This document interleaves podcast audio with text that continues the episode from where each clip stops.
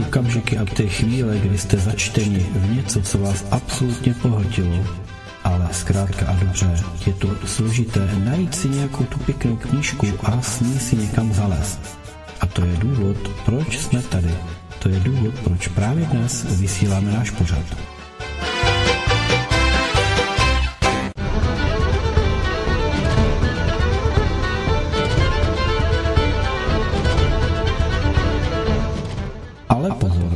Všechno, co si dneska koupíte, je tak zvaně dobře ke čtení, nebo není to vždy úplně košer to, co se v těch knihách píše, protože i knihy jsou nástrojem manipulace a tak.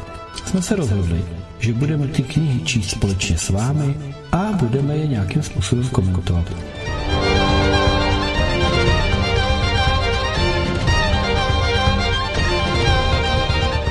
Bereme do ruky knihy, které možná už ani neseženete, abyste si je přečetli.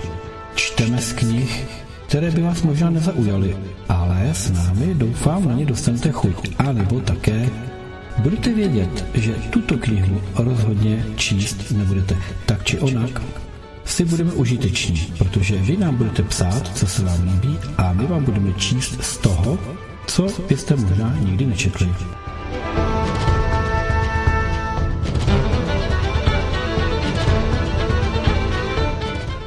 Pohodlně posaďte a naslouchejte, protože vaše chvíle s naší knihou je právě tady.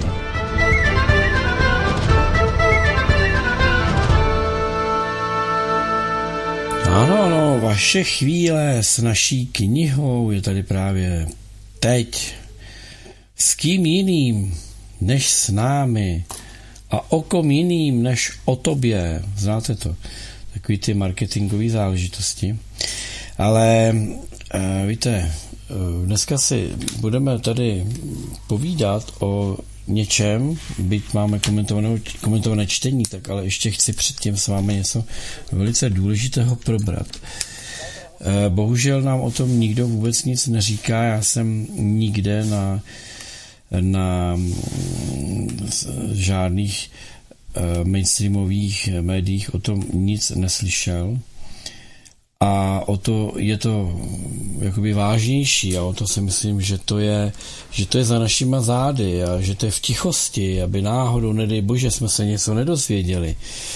Takže eh, lumpové pochopitelně opět, eh, opět chtějí řádit.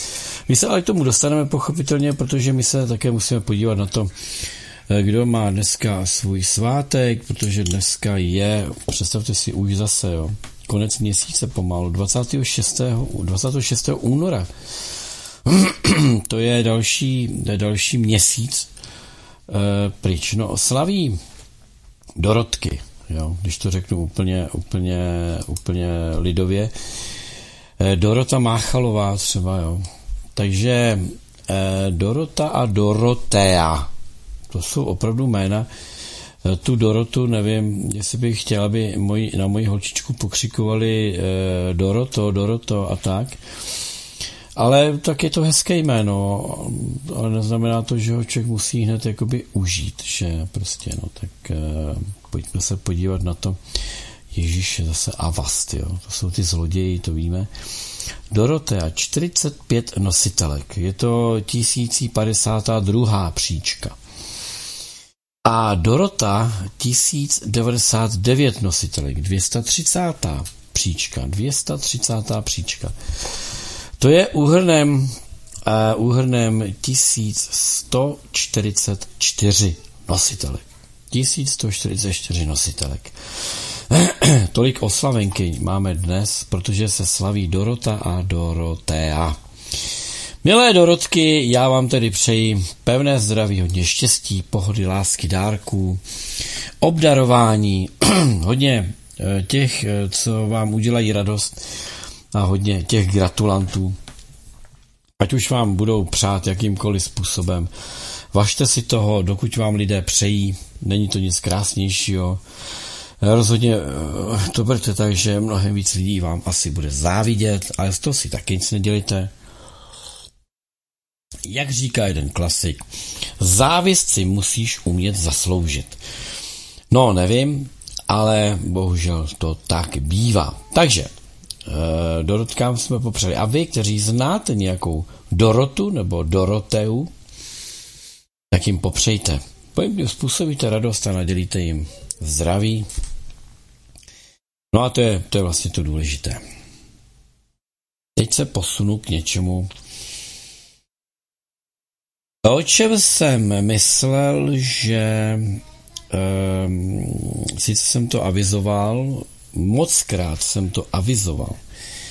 Ale domníval jsem se, že nikdy nedojde k tomu, abych o tom mluvil jako o něčem, co je, co existuje, něco, co je, co už se bohužel začíná dít, jo. Tak, pustím vám, pustím vám uh,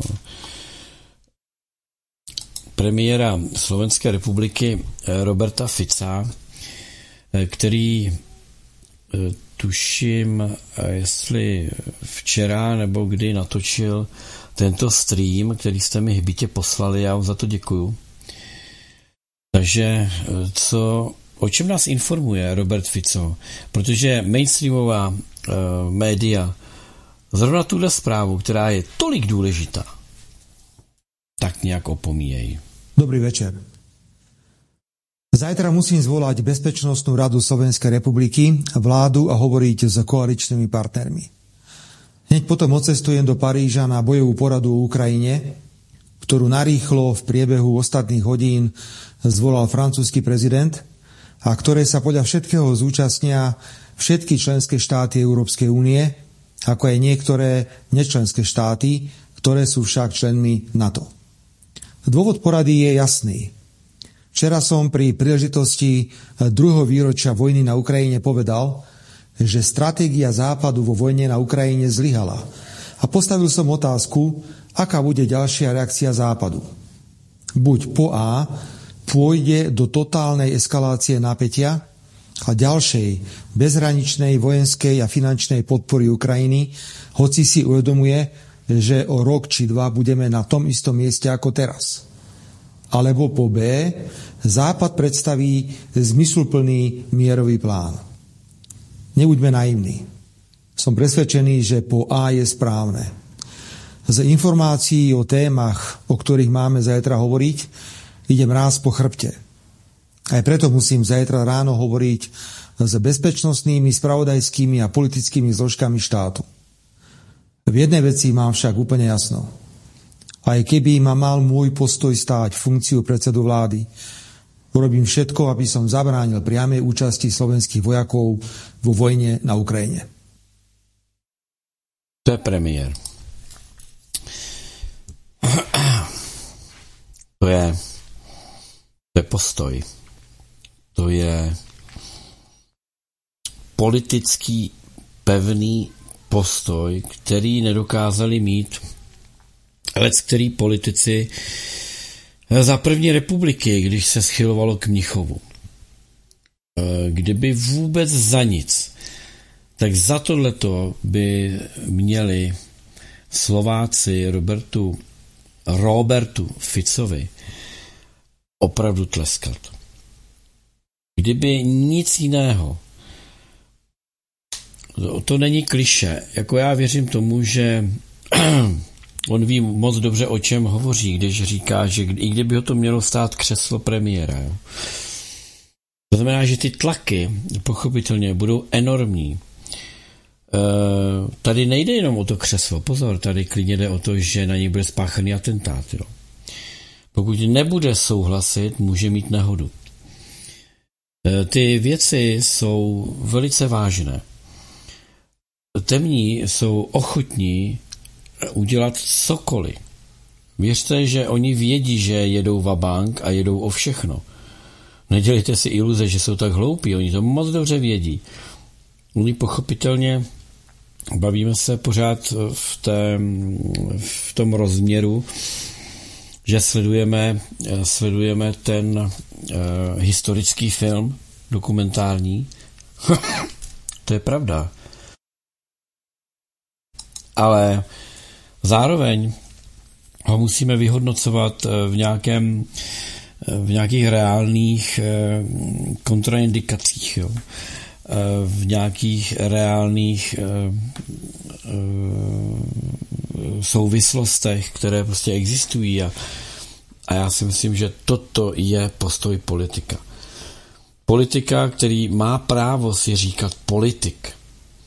Ty hoštapleři, eh, který máme tady a ty hoštapleři na Slovensku, kteří v tuto chvíli, prosím vás, nesahají Robertu Ficovi ani po nehet u palce. Jo. E, ta verbež, která e, má tu drzost se nazývat jak, jakými si politiky. E, politik je člověk, který pracuje ve veřejném prostoru pro veřejné blaho. To je politik. Všechno ostatní jsou vyčuránkové kolaboranti, korupčníci, vlasti zrádci a odpad, který si na něco jenom hraje. Uh, u nás ticho.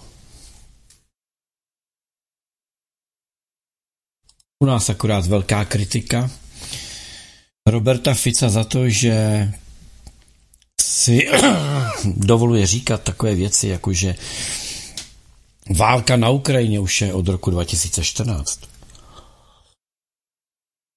Jako kdyby tam nebyla.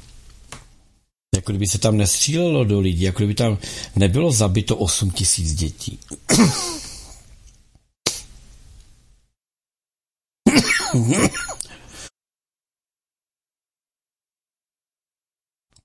To je hrůzostrašný svět v podstatě.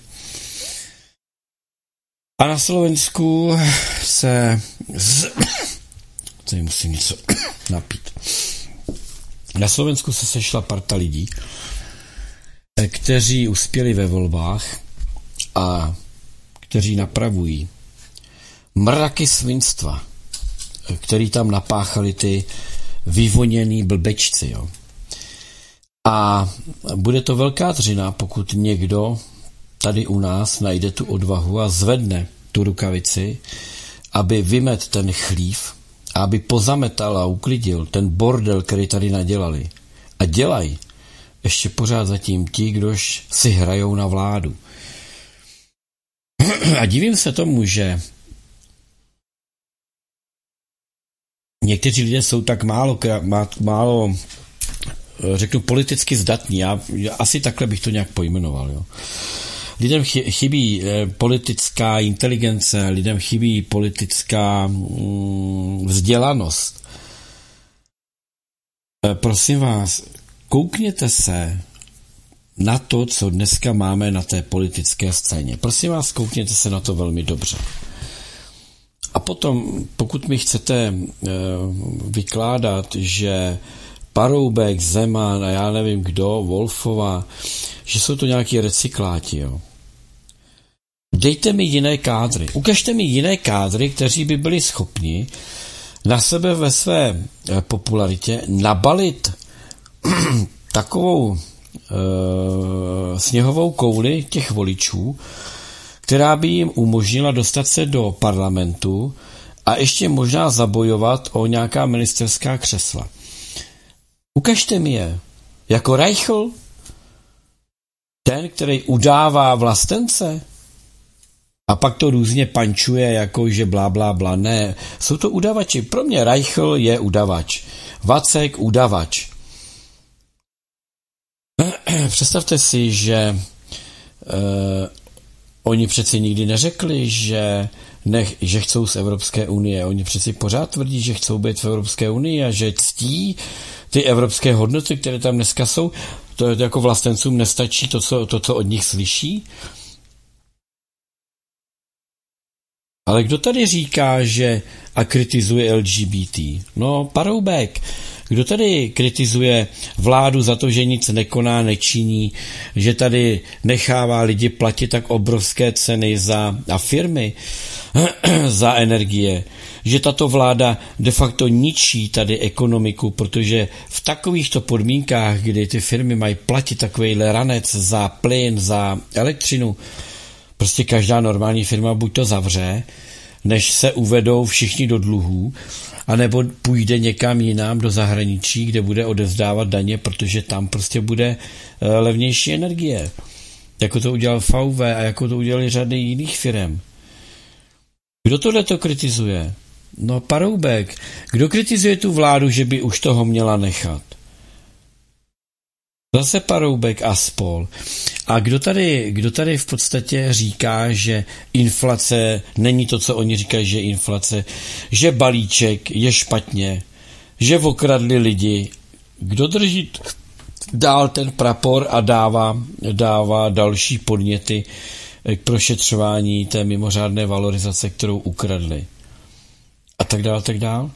Máme tady, ano, jsou to lidé, kteří už v politice de facto skončili a domnívali se, že předali tu zemi v nějakém, aspoň jak tak stavu, eh, ve kterém může dál prosperovat a může se z ní něco kloudného stát. Ano, byl to Jiří Paroubek, který, kterého já jsem kritizoval za to, že tady na Moravě, eh, tuším pro firmu, já nevím, jestli to byl Philips nebo kdo, tadyhle v hranicích na Moravě, že vykládal, že když se tam eh, ta fabrika zřídí a bude mít daňové prázdniny, že to je pro nás eh, blaho.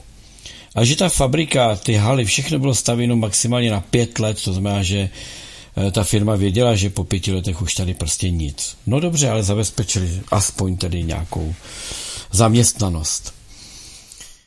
Kritizoval jsem ho za to, ano, je spousta věcí, za které ho můžeme kritizovat ale neudává,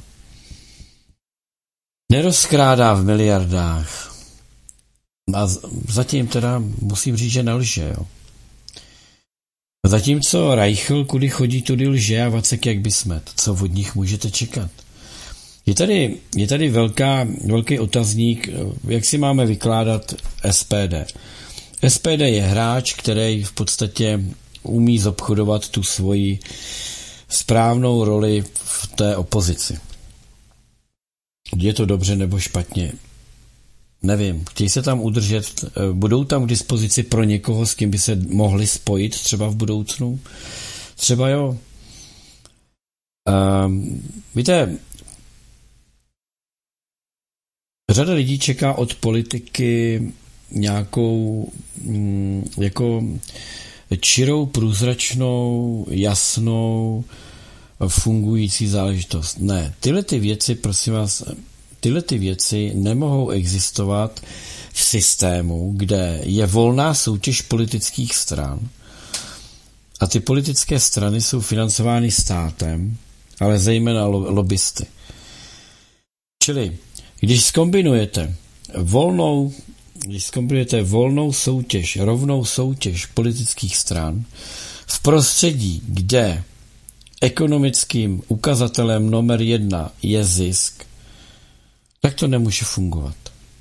Takže v tu chvíli, prosím vás, zapomeňte na nějakou křišťálovou jasnozřivou barvu. Zapomeňte na to. A teď je o tom, jestli v tom, co nám tady zbývá k dispozici, když se ještě nemůžeme bavit o demontáži toho systému, eh, zatím, zatím je potřeba aspoň zarazit to, co se tady děje teďko. Musíme, musíme si jako fakt ty věci krokovat a být nohama na zemi. Jako, můžu říkat nahoru dolů, že tenhle systém je špatný. Ano, je špatný vygeneroval to nejhorší, to nejstrašnější, otočil tu žumpu totálně jako tím, co bylo u dna, tak to vyhodil na vrch.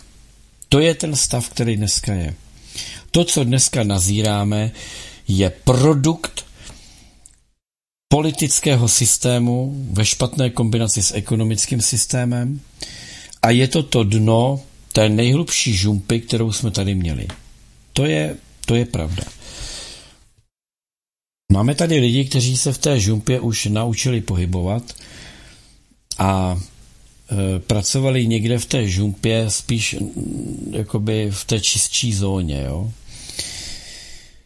E, pokud chceme, aby, aby e, něco schodilo něco, tak se asi budeme muset zeptat, jestli sluníčkáři s jakými si sluncem prozářenými srdci jsou schopni nějakým způsobem poškodit a svrhnout to, to nejtemnější a to nejvíc pokálený, co tady existuje.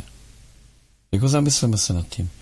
A nebo použijeme, nebo sáhneme do arzenálu těch, kteří se už v téhle žumpě pohybovali, mají, mají, jak bych to řekl, mají tu rutinu, mají tu retoriku, mají tu, tu erudici, která se do toho všeho pat, eh, pasuje a která se tam hodí. A jsou schopni s ní popracovat takovým způsobem, aby nás toho nejstrašnějšího zbavili. Krok číslo jedna. Pak se můžeme bavit o krocích následujících. To je můj postoj k tomu, prosím vás. Takže opravdu ukažte mi, ukažte mi reálnější sílu momentálně, reálnější sílu, která by dokázala zaúřadovat ve volbách. Myslím z těch, které tam ještě nejsou v tom parlamentu. Berme to takhle. Z těch, které jsou mimo parlamentní. Buď jsou to lidé, kteří e, v té opozici, jo, jsou buď lidé, kteří jsou na výplatnicích vnitra, to říkám s plnou odpovědností, já vím dokonce konkrétně, kteří to jsou. Ale nebudu je jmenovat, na to si každý musíte dojít sám. E, nebo jsou to lidé, kteří jsou totální snílci e, a jsou to ty sluníčkáři s těmi srdci prozářenými a přitáhli k sobě desítky, desítky dalších. To ale není ta síla, která něčím pohne. Bohužel, teď ještě ne. A nebo jsou to totální prospěcháři, kteří, aby získali na svoji stranu důvěřivé voliče, tak budou říkat cokoliv. Jednou tak a po druhé tak. Aby se zalíbili vrchnosti, budou udávat a aby se zalíbili těm, kteří je mají volit, tak budou slibovat to, z čeho jim je na zvracení. Takže e, takhle nazírám na, na tu alternativní scénu. Moc na výběr tam toho není. A dokonce e, ta, víte, byly tady, byly tady snahy malých subjektů o jakési e, slučování, združování, e, spojování se těch jako kdyby hodných proti těm zlým. Jo. Zatím to nedopadlo a bohužel to ani nedopadne. Nemůže to dopadnout. Protože právě tam jsou infiltrovaní ti, kteří jsou na těch výplatnicích. A um, mě, může, může dávat dohromady uh, a spojovat někoho ten, kdo má určitou sílu k vyjednávání podmínek spojování. Eh, já jsem tady často mluvil o Kateřině Konečné.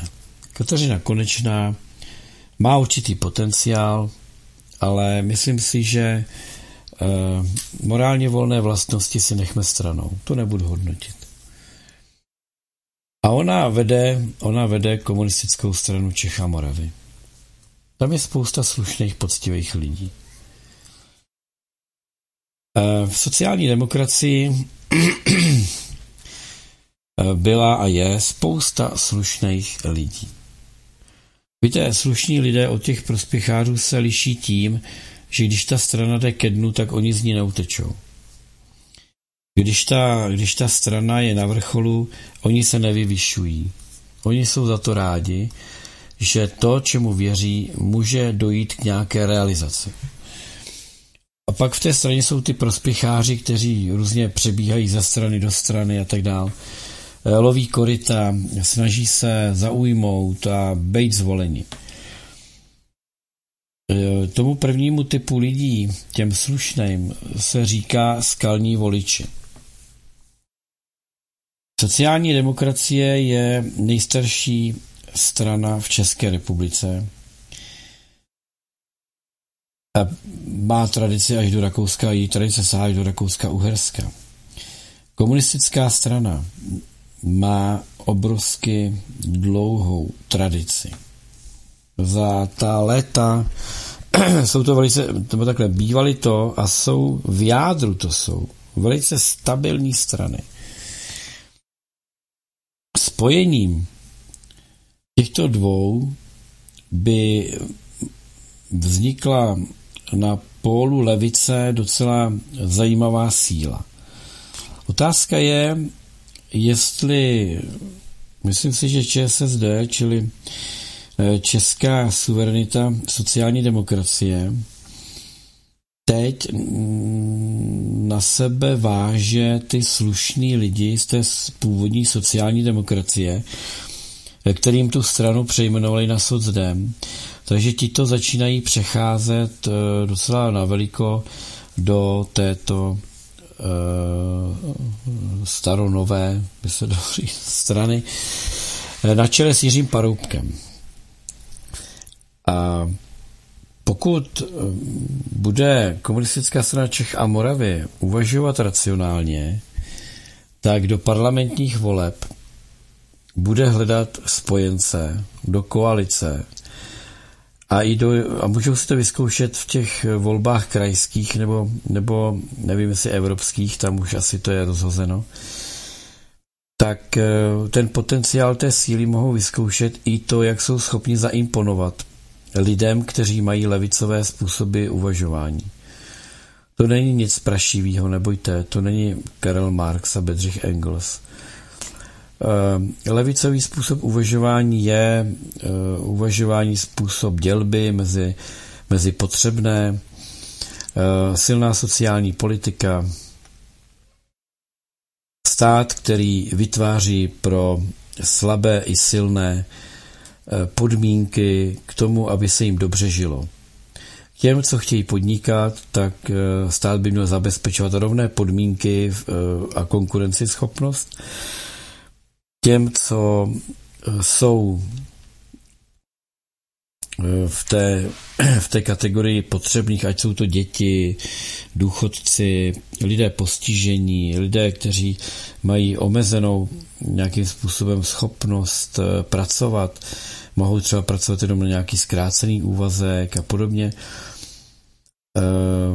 Pro ty lidi vždycky pracovala ta levice.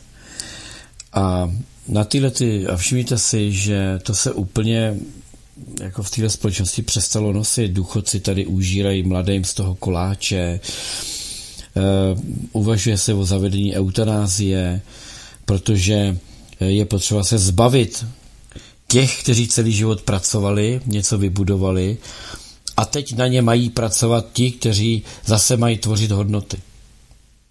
Prostě asociální společnost se tady vytvořila. Za vším ale hledáme nějakého organizátora. Já za chvilku o tom budu číst v té naší knize, tady na Acta Engeos. Jo.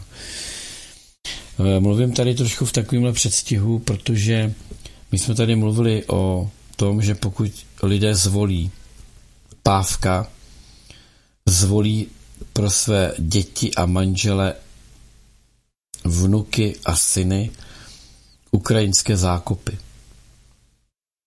A jsme k tomu velice blízko. Velice blízko.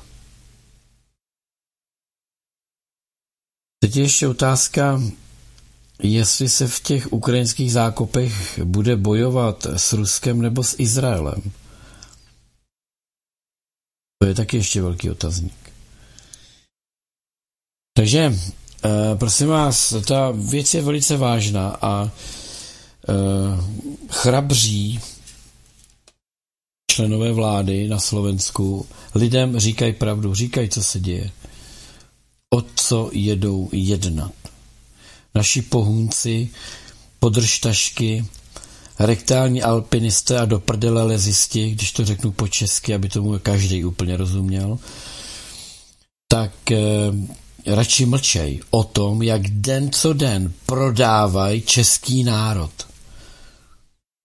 My se tady rozčilujeme desítky let nad nějakým Mnichovem. Prosím vás, to, co se tady rozprodalo a jaké škody se způsobily od roku 89, to si s nějakým Mnichovem ale vůbec nezadá. a všechno je to záležitost plánovaná a všechno je to záležitost dopředu zorganizovaná. O tom je kniha, kterou mi dala Boženka, děkuju, Tajná akta NGO s, jako že jsou to, ne, že jsou to e, ty neziskovky jako hromadně, čili ne jedna, ale množené číslo. Nevládní organizace. Tu knížku napsal F. William Endal, jak krycí organizace CIA podněcují revoluce, převraty a války.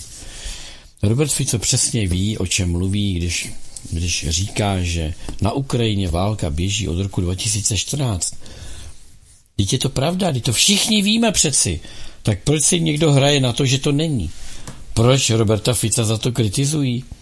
No, protože přeci na Ukrajině není nacismus, tam není fašismus. Já jsem zase dostal obrázky, jak tamhle někde prostě hnízdo kulometný a tam visí prostě vlajka s hákovým křížem. No asi Ruská federace takovýhle hnízdo nebude mít, že? No, dáme si, pojďme, dáme si písničku, je půl, dáme si písničku a po písničce se začneme do té, do té knížky. Ona nám totiž spoustu věcí tak nějak ozřejmuje. Jakou si dáme? Tuhle.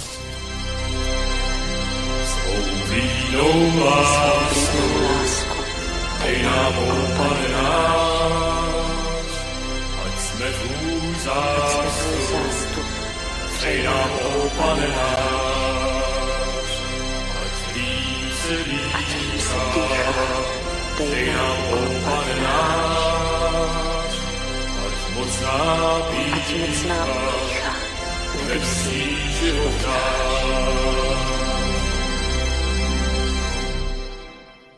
kde kdo říkal, že nejsi nejvíc ti, co lhali nám.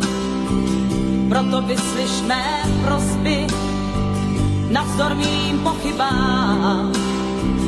I když dnes málo věřím, neumím odčenáš dojdu-li ke tvým dveřím, otevři, pane náš, svou výdnou lásku, dej nám, o pane náš, ať jsme tvůj zástup, přej nám, o pane náš, ať líp se dýchá, dej nám, o pane náš, ať mocná pícha nedusí život náš. Dej, ať můžem všechno zpívat, dej, ať můžem všechno říct, ať se můžem rovně dívat. A nestraší nás nic. Ať je naše voda čistá. A taky naše svědomí.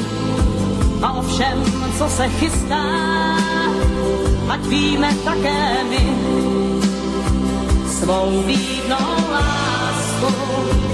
Dej nám, o pane náš, ať jsme tvůj zástup.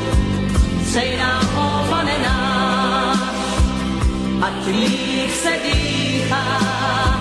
Dej nám, o pane náš, ať mocná pícha nedusí život náš. Zbav nás, Bože, hříchu básně, zbav nás hamby mlčení. Další zkoušky, další stásně, ať nám už duše nezmění. Dej nám štěstí, dej nám krásu a taky pláč nám dej. Jen tou tíhou temných časů už nás netrestej svou blídnou lásku. Dej nám, o pane náš, ať jsme tvůj zástup. Přej nám, o pane náš, ať líp se dýchá. Dej nám, o pane náš, ať mocná pícha nedusí život náš svou výdnou lásku dej nám ho, pane náš, ať jsme tvůj zástup, přej nám ho, pane náš, ať víc se týká, dej nám ho, pane náš, ať mocná pícha, nedusí život náš, ať mocná pícha, nedusí život náš.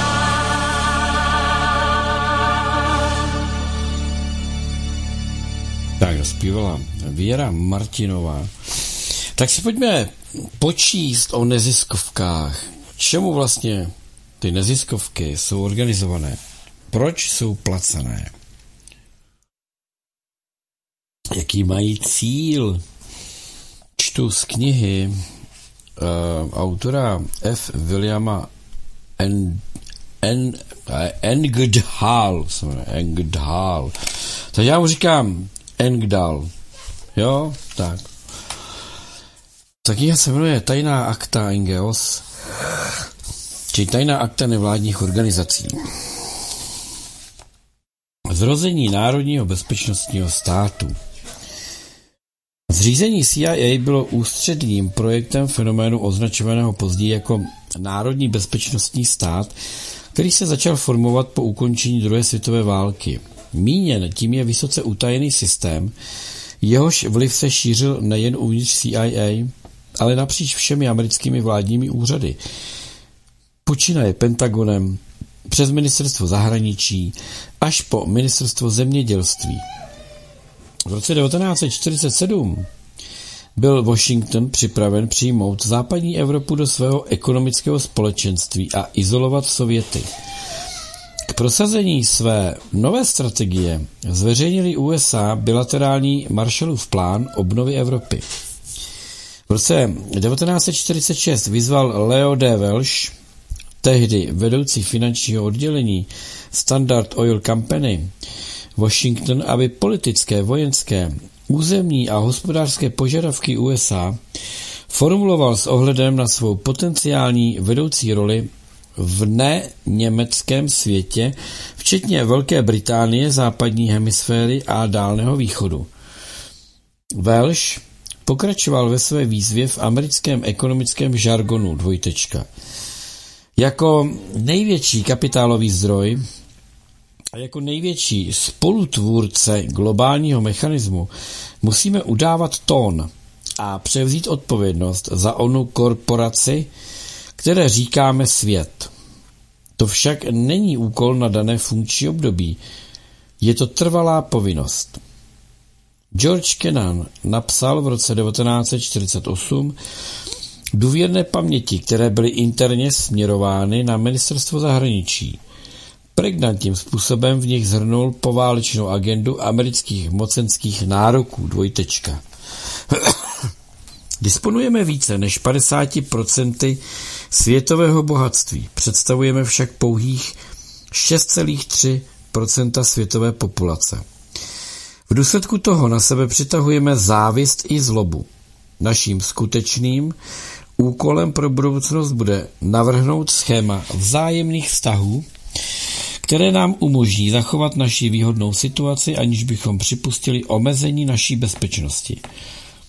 Za tímto účelem musíme odhodit veškerou sentimentalitu a snivost a zaměřit se na bezprostřední stanovení našich národních cílů. Nesmíme se podávat žádným iluzím. Luxus, altruismu a blahosklonosti si nesmíme dovolit. Kenan, architekt politiky zadržování, containment. V období studené války cílem bylo zadržování sovětského imperialismu. Zde načrtává skutečný poválečný cíl americké elity. Šlo o nadvládu USA ve světě, nebo přinejmenším nadvládu nad těmi regiony světa, které se americkým vládcům zdály být v roce 1948 dosažitelné. Tyto regiony patří do tzv. Grand Area, na níž zaměřila svou pozornost CFR. Studená válka NATO, životní prostor Ameriky.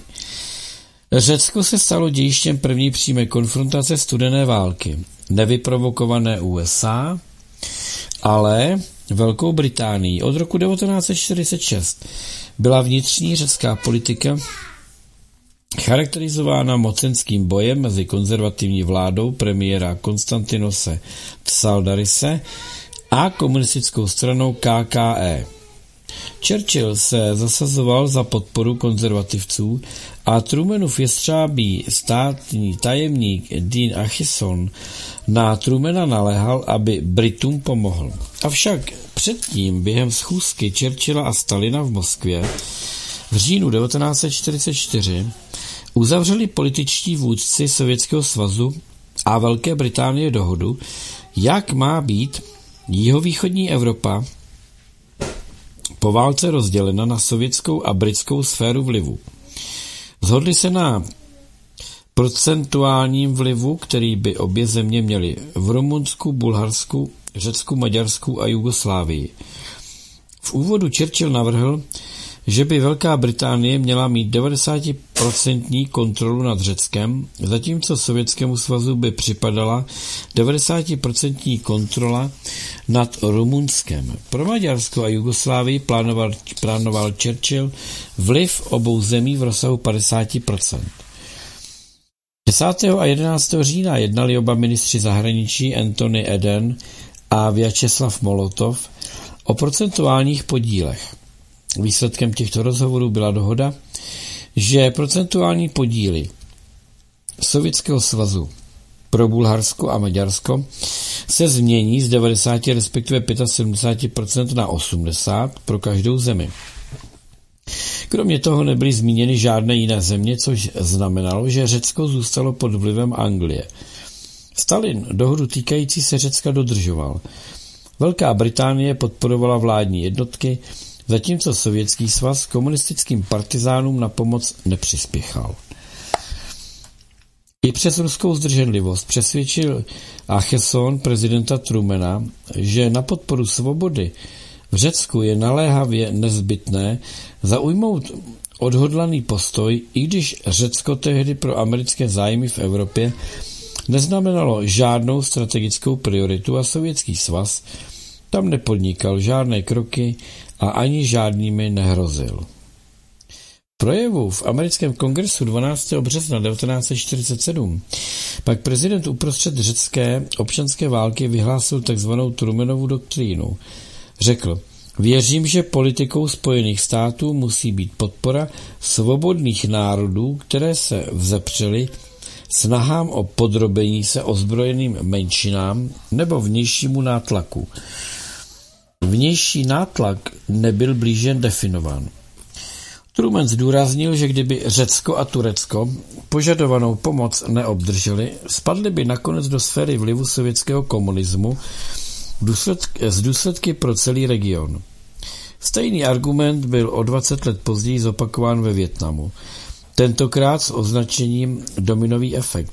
Předpověď o vážných důsledcích, které se nepotvrdily ani na Dálném východě. Prezident Truman tehdy překvapivě získal podporu od senátora Artura H.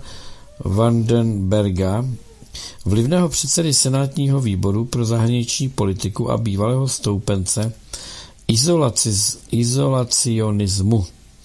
V březnu 1947 přesvědčil Vandenberg republikány ovládaný kongres, aby Trumanovu doktrínu schválil na nátlak Spojeného království. Britská tajná služba Wardenberga, tradičně jednoho z jejich nejzavilejších a nejvlivně, nejvlivnějších nepřátel, potají úspěšně získala. A tak se Churchillovi podařilo ani ne rok před svým známým projevem ve Fultonu, v němž použil pojem železná opona, vtáhnout Trumana do své strategie studené války. New York Council on Foreign Relations tehdy pod předsednictvím Rockefellerova chráněnce Johna J. McCloye, bývalého vysoké, vysokého komisaře USA pro Německo, také prosazoval stejnou politiku, ale ze zcela jiných důvodů. CFR šlo o etablování amerického životního prostoru v Evropě, jakmile by bylo jasné, že by Stalinovo Rusko uzavřelo dveře americké hospodářské ofenzivě. Trumanova doktrína, která efektivně podporovala Washingtonskou agendu životního prostoru, usilovala o nahrazení britského království v roli hospodářského a vojenského patrona Řecka a Turecka. To znamenalo nové, radikál, nové radikální za, zaměření americké zahraniční politiky. Jistý historik se k tomu vyjádřil následovně. Poprvé ve svých dějinách se Spojené státy rozhodly ve fázi všeobecného míru vměšovat do záležitostí národů mimo Severní a Jižní Ameriku. Tyto první zásahy CIA do vnitřních záležitostí jiných národů v době míru, dobře si to pamatujte, však vzhledem k rozsahu amerických intervencí, které později vycházely od National Endowment for Democracy a k ní přidružených NGOS, vypadaly doslova zdrženlivě. Ustavení Národní bezpeční, bezpečnostní rady USA a její princip vše je legální, pokud to může být zdůvodněno národní bezpečností, vedly v souvislosti s vývojem po roce 1947 k podkopání a nakonec vykořenění ústavní americké demokracie.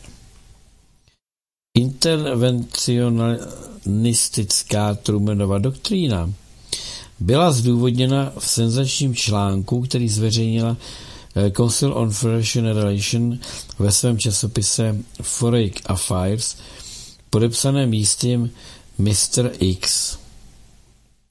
Této eseji v této eseji se jednalo o uspůsobenou verzi takzvaného dlouhého telegramu, který napsal George Kennan, tehdy pracovník amerického ministerstva zahraničí, velvyslanci Harrimanovi v Moskvě. V únoru 1946 se Washington velvyslanectví v Moskvě dotazoval, proč Sověti odmítají podpořit nově založenou Světovou banku a Mezinárodní měnový fond. Jako odpověď napsal Kenan svůj dlouhý telegram, v němž vysvětloval názory a pohledy Sovětů a zaslal ho ministru obrany Jamesi Forestálovi, blízkému spojenci Rockefellerů v Trumanově administrativě, který ho předložil nadaci Council on Foreign Relation, aby zařídila obrat směrem k nepřátelskému postoji vůči Moskvě.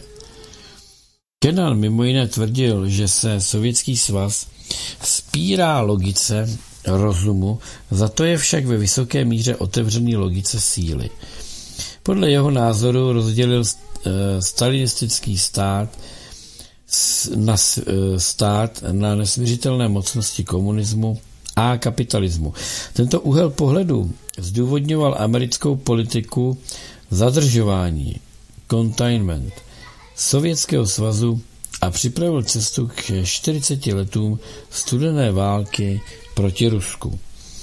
Ve skutečnosti sloužilo zadržování Sovětského svazu establishmentu USA Aha.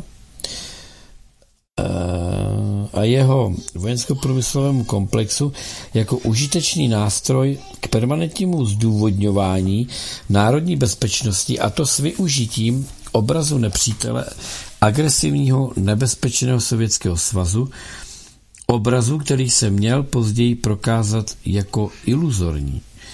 Americká zahraniční politika prodělávala významný zvrat. Od aliance se Sovětským svazem proti německé hrozbě k postupné alianci s, uh, alianci s poníženým poválečným Německem proti sovětské hrozbě. Byla to klasická britská intrika s, uh, k utváření mocenských poměrů, jenomže v americkém stylu. Řecká krize však podobné ekonomické restrukturalizaci v Americe, jaký toužebně očekávali mocní bankéři a průmyslníci, nestačila. Nestačila k tomu ani sovětská blokáda Berlína, ani převzetí vlády v Československu komunisty v únoru 1948. Každopádně však tyto události přiměly izolacionistický kongres k tomu, aby souhlasil s finanční podporou západní Evropy, která následně nabyla podoby Marshallova plánu a později podpory NATO. Přesvědčení, přesvědčení váhavé válkou unavené americké veřejnosti, že pro její bezpečnost je nezbytný nový válečný stav, více či méně permanentní studená válka, bylo zapotřebí výrazného šoku. Dokonce ani vítězství komunistické strany Číny pod vedením Mao Tse-tunga v čínské občanské válce, která skončila v roce 1949 porážkou KMT, Čínská národní strana, poznámka překladatele, a skorumpovaného despoty Čankajška a vedla k vyhlášení Čínské lidové republiky, nepomohlo katapultovat americký vojenský rozpočet na úroveň, jak by si mocenské zbrojařské koncerny přáli. Pro Rockefellerovu skupinu a její spojence v americkém finančním a vojenském průmyslu byla už pouhá skutečnost, že státní socialismus v Sovětském svazu a v Číně nyní zaujímal jednu pětinu pevniny na země kouli a disponoval nezměrnými poklady ve formě surovin a ostatního přírodního bohatství. Ehm, které přírodního bohatství, které unikly z jejich dosahu dostatečným důvodem, aby byly tyto země použity ke stvárnění nového obrazu nepřítele. Otázkou jen bylo, jak tento úhel pohledu skeptickému americkému obyvatelstvu prodat a jak rozmdýchat u americké veřejnosti dostatek obav a strachu, aby bylo možné prosadit financování trvalého válečného stavu proti skrz na skrz skaženému, bezbožnému komunistickému totalitarismu. Zcela ve smyslu Trumanovy doktríny, kterou vymyslel státní tajemník Dean Acheson, se propagandistický aparát vlády pokoušel získat veřejnost pro svou studenou válku proti skaženým, bezbožným komunistům v Sovětském svazu. Věřili, že by mohli voliče přimět k souladu s ohromným navýšením vojenského rozpočtu tím, že vyděsí Američany až do morku kosti, jak mínil jeden z Trumanových poradců, možná podnícením válečné historie a oklamání národa. Ve svých pamětech Dean Acheson přiznal, úkol veřejného činitele, který zodpovídá za získání podpory pro důležitou politickou strategii není úkol pisatele doktorské práce. Vědeckost musí podřídit jednoduchému jazyku, přesnosti a jemnému rozlišování přítomnosti až po brutalitu. Aby se ve věci prosadil, ministr propagandy Třetí říše Joseph Goebbels by to nemohl eh, informovat, by nemohl informovat lépe. Eh, nezbytnost nových radikálních metod. Avšak poté, asi po třech desetiletích studené války, se Národní bezpečnostní stát sám vystavil, vystavil fundamentálnímu útoku ze strany obyvatel USA.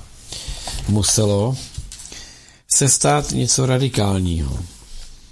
To, co odpovědné osobnosti napadlo, bylo sáhnutí hluboko do truhly triků, poválečné propagandy a speciálních klamných manévrů. Založení zdánlivě soukromých NGOS, které byly ve napojeny na CIA a ministerstvo zahraničí.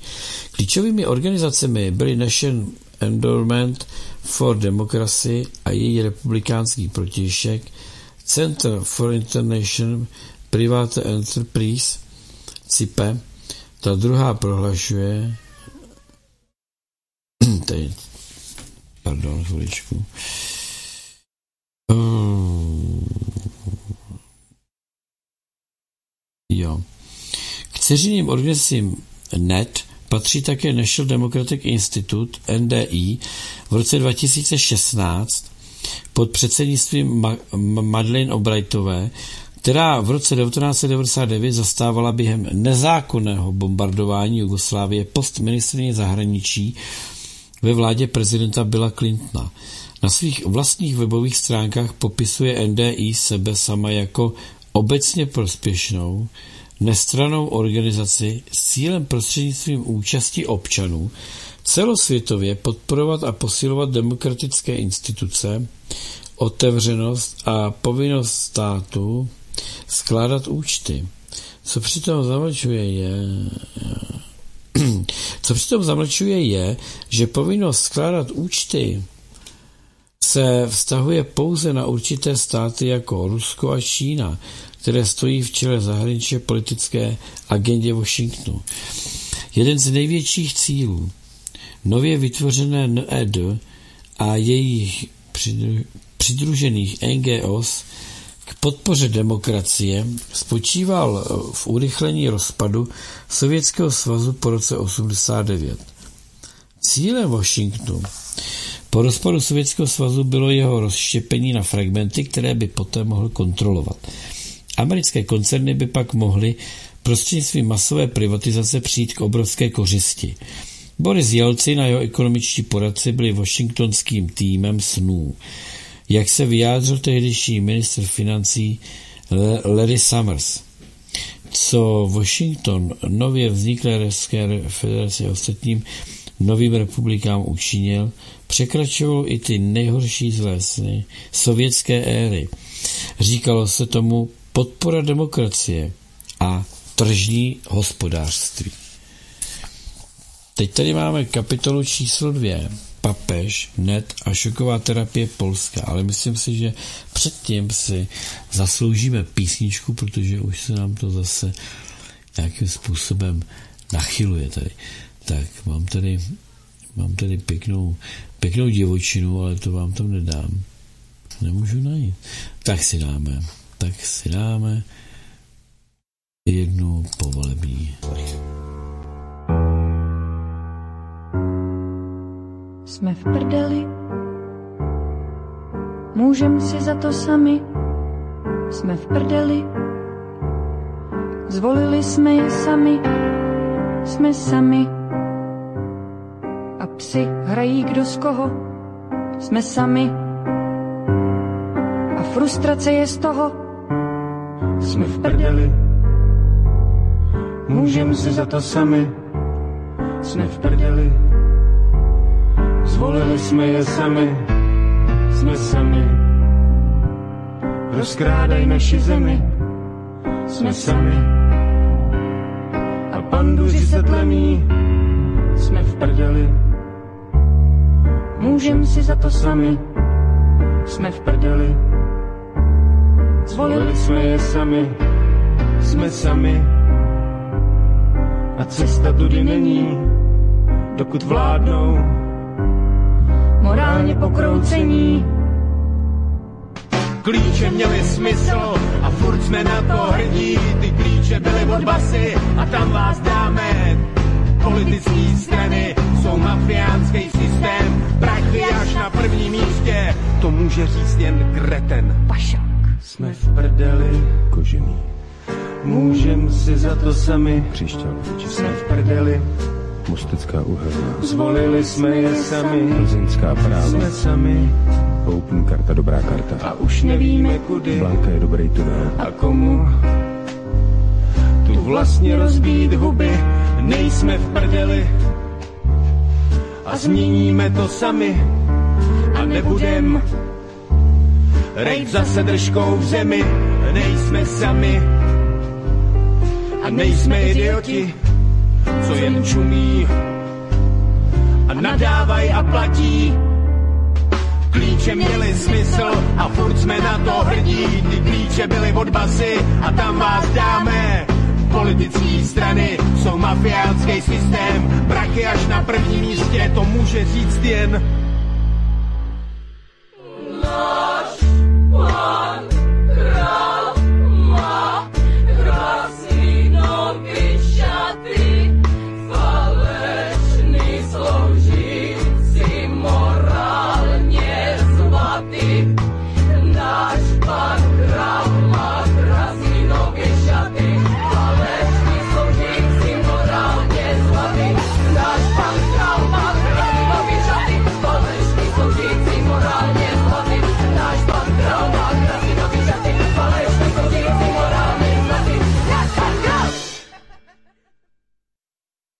Dobrý, ne? Tak. Kapitola 2. Papež, net a šoková terapie Polska. O bože, co teď jenom máme dělat? Haleluja, to je konec. Edvard Věrek, polský komunistický vůdce k politbyru, když se doslechl, že krakovský arcibiskup kardinál Karol Vojtila byl zvolen papežem. Jako první se net zaměřuje na Polsko. Prvním cílem CIA založené demokratické NGO National Endowment for Democracy byla infiltrace komunistických národů Varšavské smlouvy a Sovětského svazu a jejich rozložení. Tato kampaň byla zahájena v polovině 80. let minulého století před zničením Sovětského svazu, Varšavské smlouvy a komunistického hospodářského společenství RVHP, Rada vzájemné hospodářské pomoci, chtěl Washington zaměřit svou pozornost nejdříve na zemi, která byla považována za nejslabší článek celé struktury východního bloku, Polsko. Kdyby se administrativě Reagan Bush podařilo Polsku přidělit známku pseudodemokracie ve stylu CIA, počítalo se s tím, že by se všechny komunistické státy východní Evropy a také Sovětského svazu zhroutily jako dominové kostky. Tato kalkulace nebyla špatná. Zaměření se na Polsko bylo jedním z prvních projektů ředitele CIA byla Chasey. V tajné operaci nasadil svou novou zbraň National Endowment for Democracy, její ceřinou organizaci FTUI, Free Trade Union Institute a další pobočky. Od poloviny 80. let minulého století zasahovali NET, Freedom House a také nová Sorošova nadace všude tam, kde si CIA a ministerstvo zahraničí USA přáli pro americkou změnu vlády. Už brzy bylo patrné, že to nebyla náhoda. Washingtonské NGOs na podporu demokracie byly novým nástrojem pro vyřizování práce CIA, ale soukromně mimo dohled veřejnosti. Sorosova Foundation byla založena v roce 84 hedžofondovým spekulantem Georgem Sorosem v Budapešti, hlavním městě tehdy ještě komunistického Maďarska. Jeho nadace se postupně stala významnějším nástrojem pro Washington plánované změny režimu. Ve spolupráci s harvardským profesorem Jeff, Jeff, Jeff Geoffreyem Sachsem předepsal Soros nejprve ekonomickou šokovou terapii Polsku a také později měl multimiliardář sehrát klíčovou roli při zavádění volného tržního hospodářství. Pod vedením Bushe a ředitele CIA Chasey byla net od samého počátku určena zejména pro zasévání svárů v komunistických režimech Sovětského svazu a východní Evropy. Polsko byl začátek. Když Polsko sužovali vysoké dolarové dluhy, nedostatek potravin a zastaralý průmysl, začaly se po celé zemi šířit vlny protestů. Aby země byla schopna čelit spokojenosti, zadlužilo se Polsko v 70. letech minulého století u západních bank sumou více než 24 miliard dolarů. Ohromná suma pro hospodářsky slabou zemi. Do poloviny 80. let se dluhy nahromadily na plných 50 miliard dolarů, což činilo bezmála dvě třetiny polského HDP. Když pak byla zrušena státní cenová kontrola, zrychlila se inflace na 250%, zatímco celkový hospodářský příjem klesl. Polsko bylo hospodářsky přitlačeno ke zdi. Kvůli chronickému nedostatku zboží už nemohlo být zásobování základními potřebami zajištěno, zatímco ceny stále ještě dostupného zboží vystřelily do závratných výšek. Bush a jeho poradci věděli, že vnitřní nepokoje v Sovětském svazu a jeho východoevropských satelitech, zejména v, v Polsku, nabývají na intenzitě.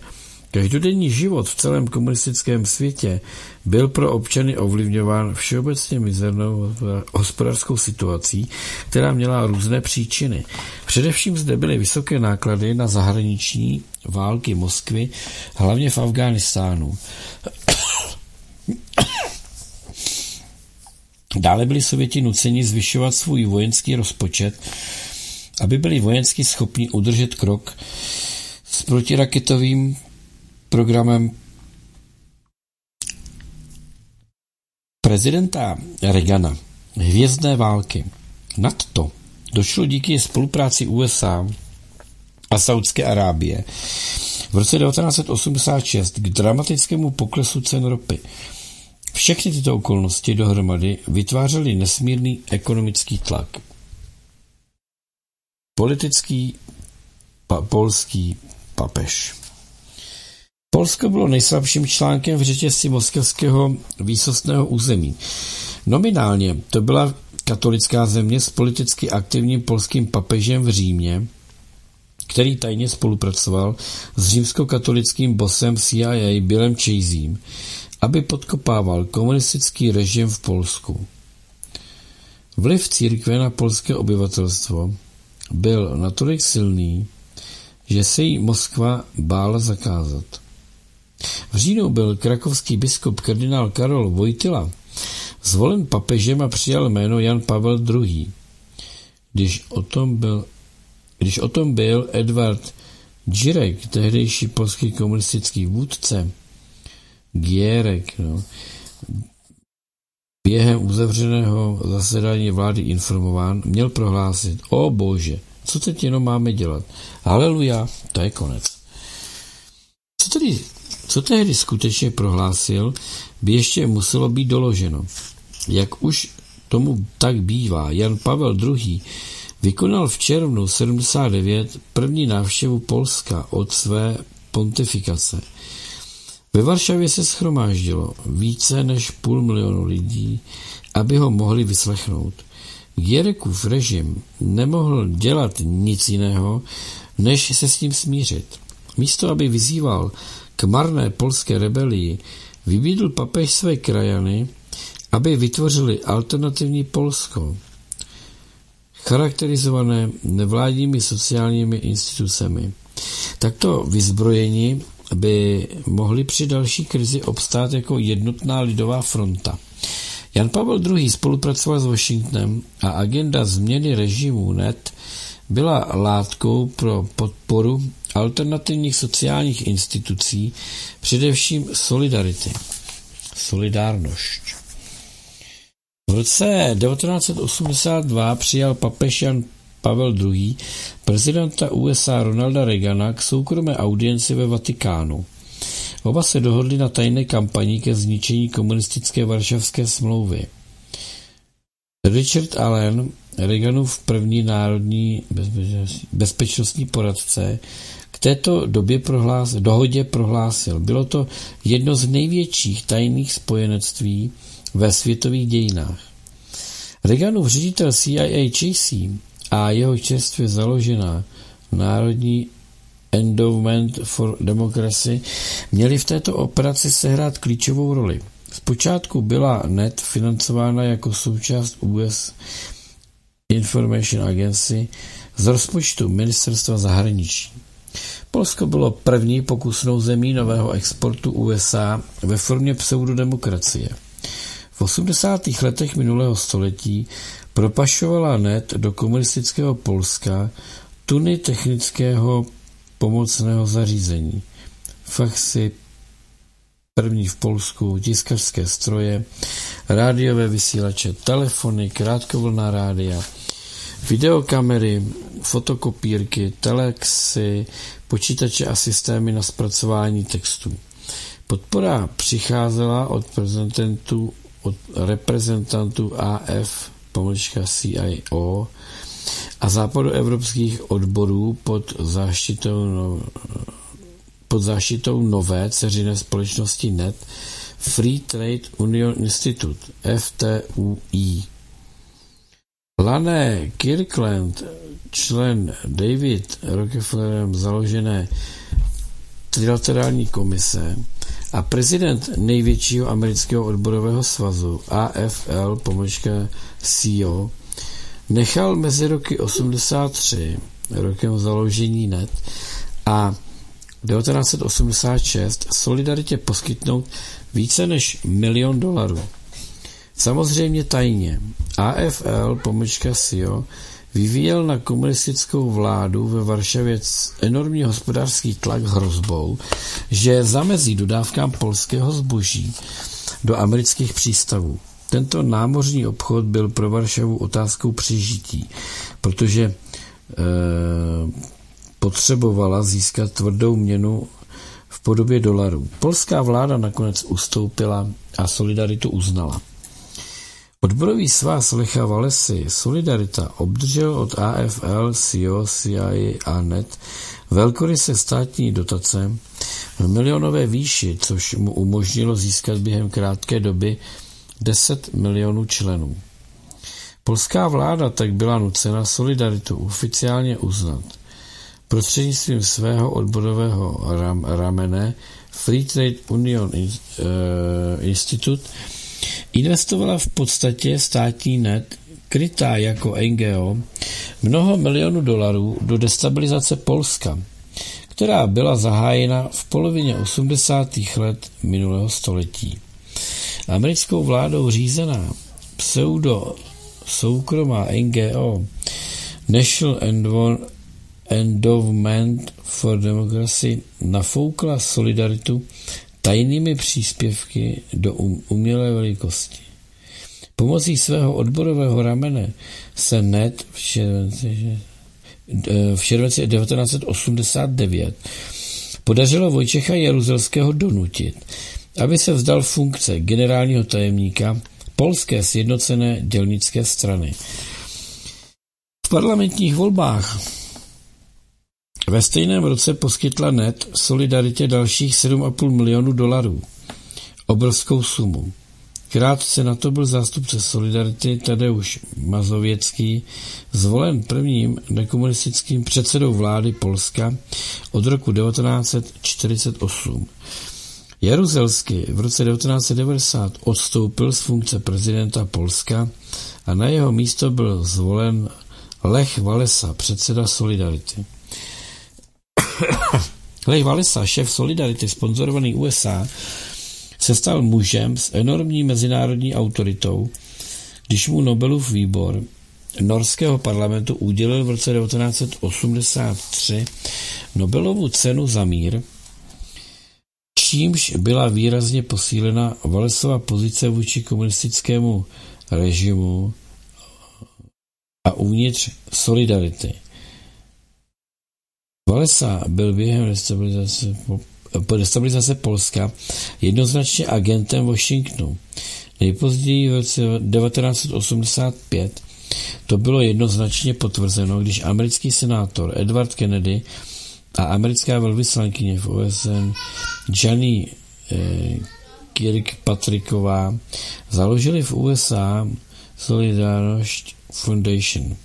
V roce 1987 se senátor Kennedy a viceprezident George uh, Bush star, uh, starší setkali s Valesou a dalšími zástupci Solidarity v Polsku.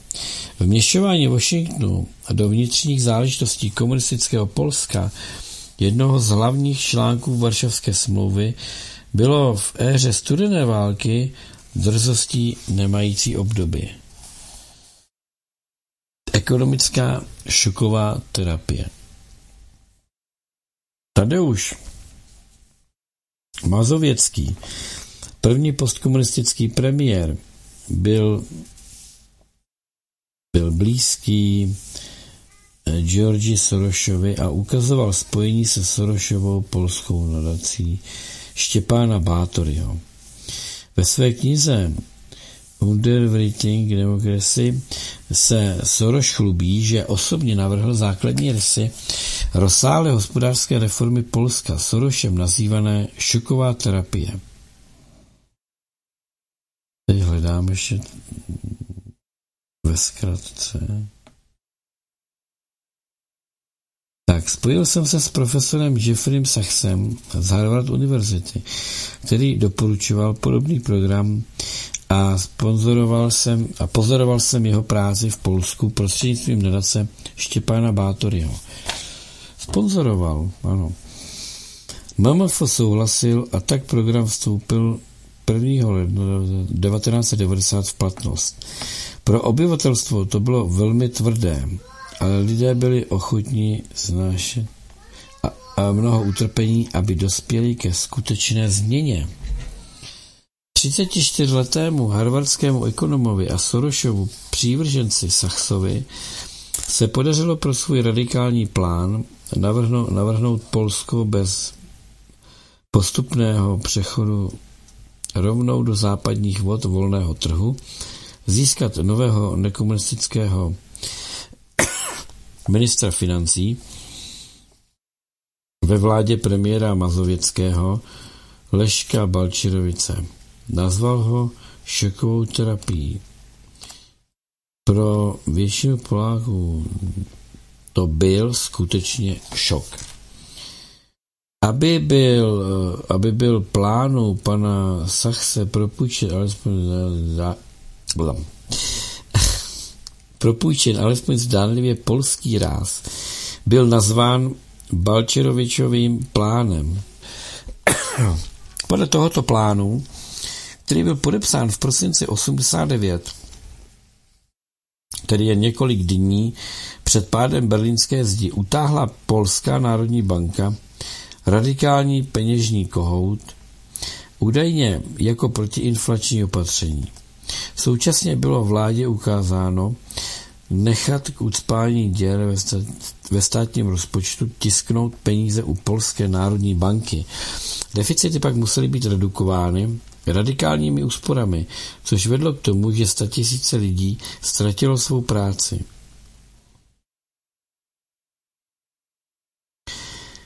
Tak, e, uprostřed těchto turbulencí bylo zrušeno 90% státní kontroly cen, takže oficiální nájmy, ceny pohoných hmot pro dopravu a topení prudce vzrostly na úroveň západního trhu.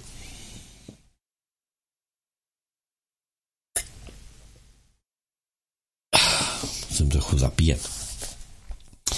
Dále byla dána zelená volnému obchodu a dovozu převážně německého, francouzského a italského zboží.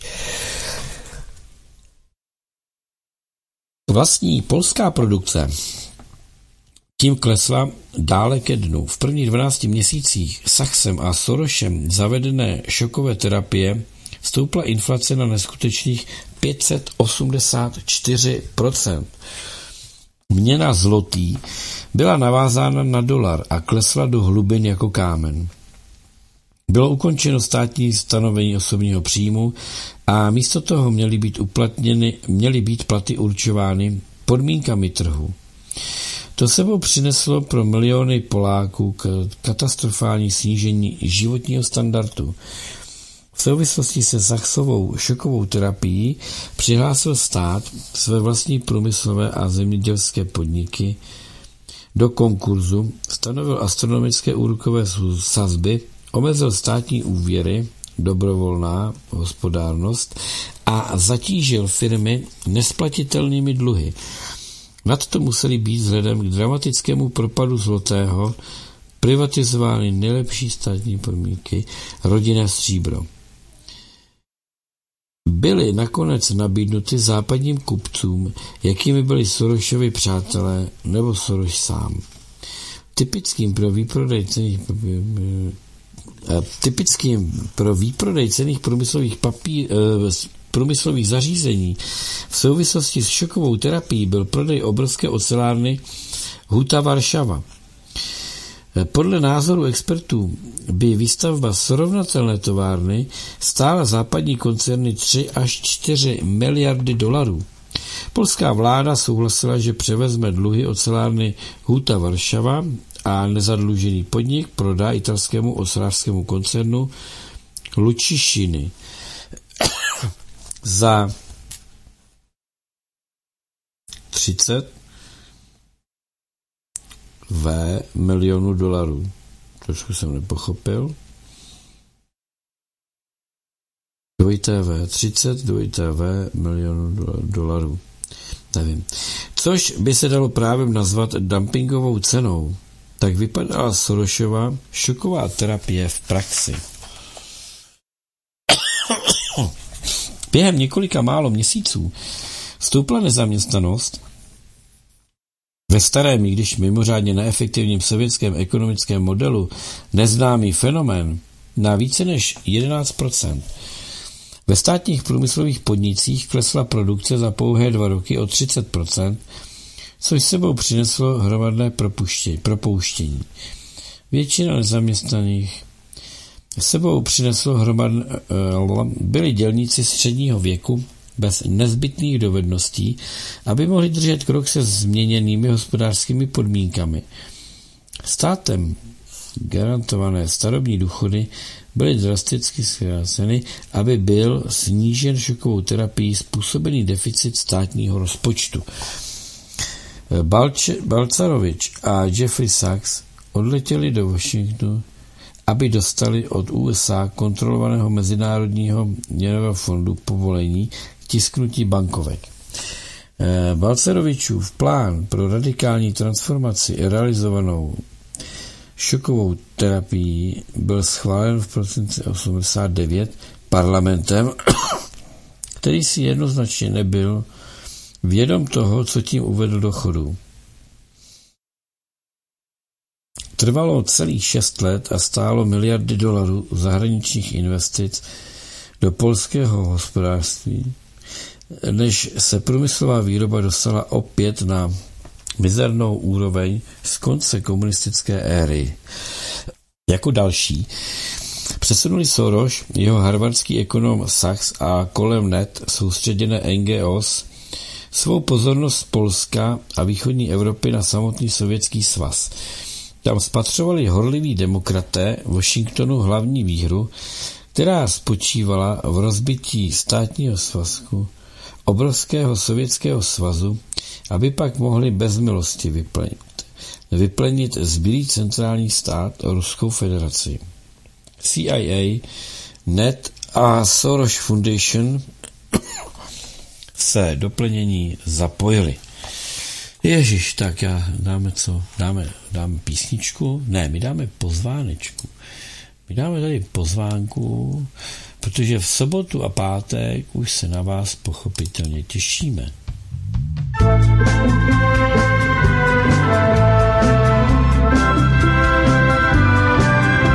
Vážení a milí posluchači svobodného vysílače CS, je to tady.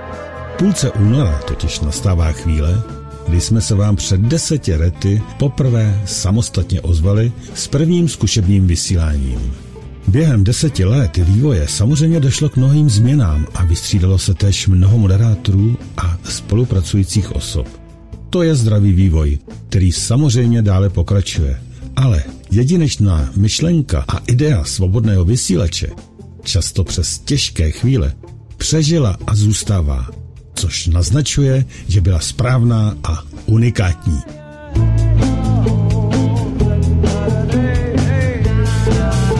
Je to město Tábor, kde se nám naskytla v reprezentativních prostorách objektu Univerzita na adrese Vančurova 2904 možnost důstojně a společně oslavit 2. března od odpoledních hodin tuto událost, která se opakuje maximálně jedenkrát za deset let. Tedy 2. března roku 2024 budeme chtít, aby se zúčastnili všichni, kteří se na zdárném vývoji svobodného vysílače jakoliv podíleli. Takže vězte, že 2.3. bude v kulturním a společenském centru Univerzita Tábor opravdu mnoho často velmi známých lidí. A neopomněli jsme ani na nějakou tu zábavu a kulturu. Nechte se překvapit.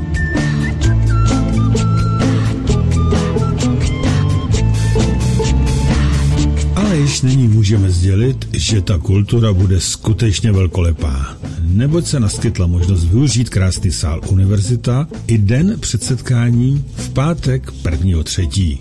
A toho jsme náležitě využili a oslovili několik hudebníků, kteří krásně hrají a zpívají na naši notu.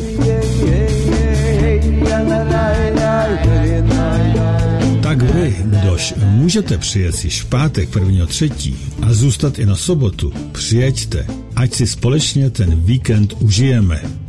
Hotelu jsou pro vás připraveny 30% slevy a i jídlo je za velice slušnou cenu. 10 let se prostě musí oslavit alespoň dva dny.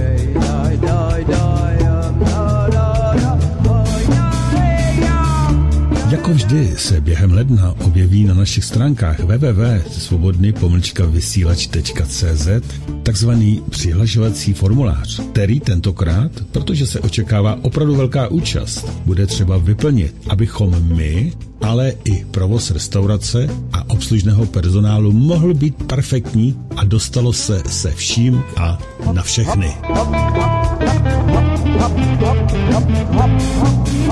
Udělejte si tedy vy všichni, které svobodný vysílač během deseti let nějak zaujal, čas o prvním březnovém víkendu a přijeďte do krásného historického města husických bojovníků do tábora. Přihlašte se ve formuláři na www.svobodný vysílat.cz a přijďte skoro všichni.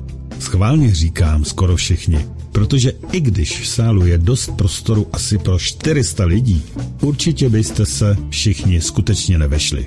A nebojte si sebou vzít i děti. V areálu je pro ně připraven dětský koutek. Těšíme se na vás na setkání svobodného vysíleče k desátému výročí založení.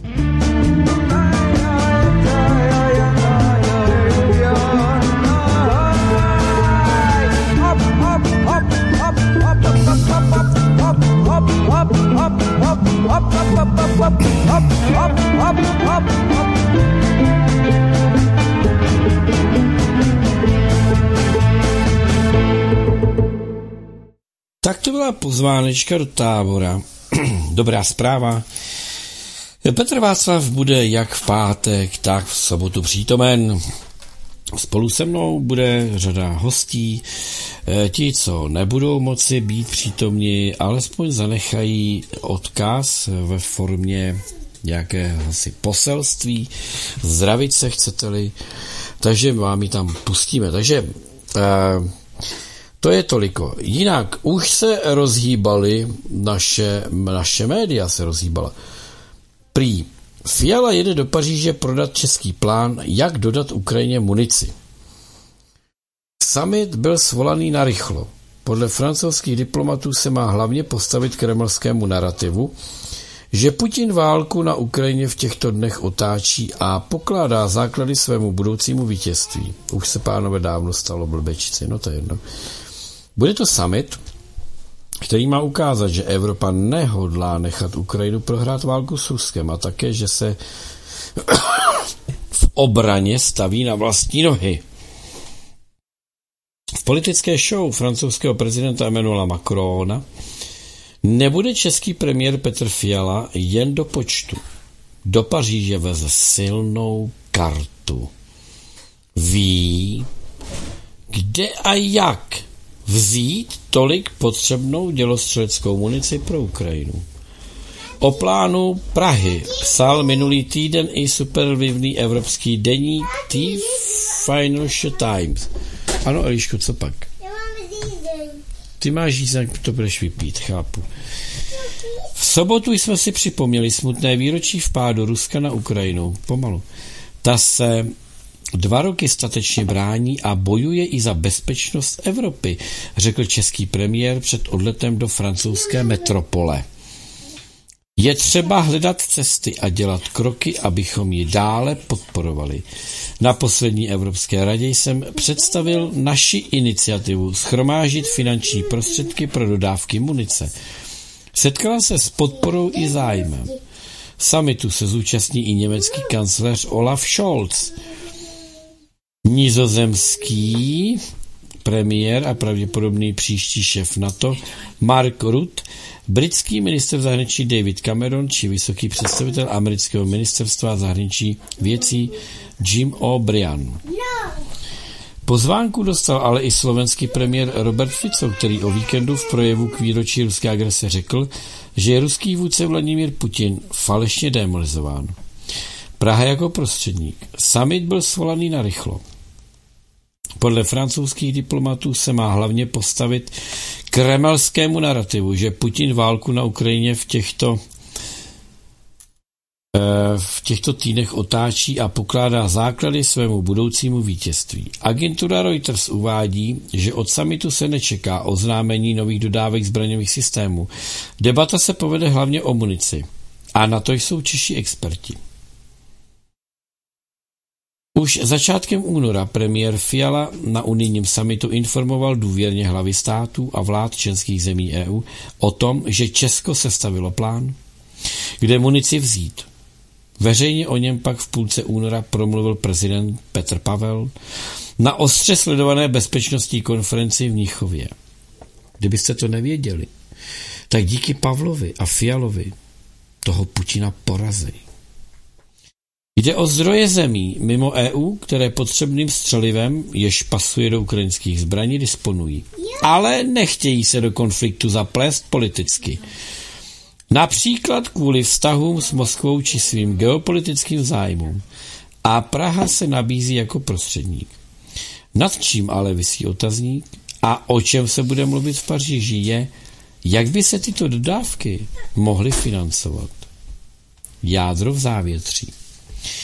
Vše nasvědčuje tomu, že se českým politikům podařilo dostat na svou stranu i Macrona, který vždy preferoval sázku na zdroje z členských zemí EU. Musíme dodat více munice. Koupíme ji tam, kde bude k dostání. Není žádná dogmatická pozice Francie v této věci. Cituje Macronova poradce agentura Reuters. Česko a Francii teď pojí nejbližší vztahy za poslední léta. Součástí této spolupráce je nepochybně i zájem francouzské státní firmy EDF stavět nové jaderné bloky v Česku, což je 100 miliardová zakázka. Příští týden Macron navštíví také Prahu. V jedné věci se ale Praha a Paříž rozcházejí, a to v pohledu na osamostatňování evropské obrané strategie z transatlantických kořenů. Pondělní summit má v druhém řádu posílit tuto linku makronovské politiky. Česká vláda, zejména v čele s ODS, se v obraně orientuje na NATO a USA a spíše to nechce měnit. Prioritním českým zájmem je zachování a posílení obrany schopnosti v rámci NATO, řekl český premiér seznam zprávám nedávno v souvislosti s plánem na zřízení postu eurokomisaře pro obranu. V návaznosti na to je také otázka, kdo bude vystřelovat tu munici, když Ukrajinci došli. A to se nám tady jaksi nezdělilo. Ale jinak to vypadá, že v podstatě celou tu, eh, já bych řekl, že, že Fiala je mozkem celé operace. Já bych řekl, že Petr Fiala momentálně se zapisuje do dějin.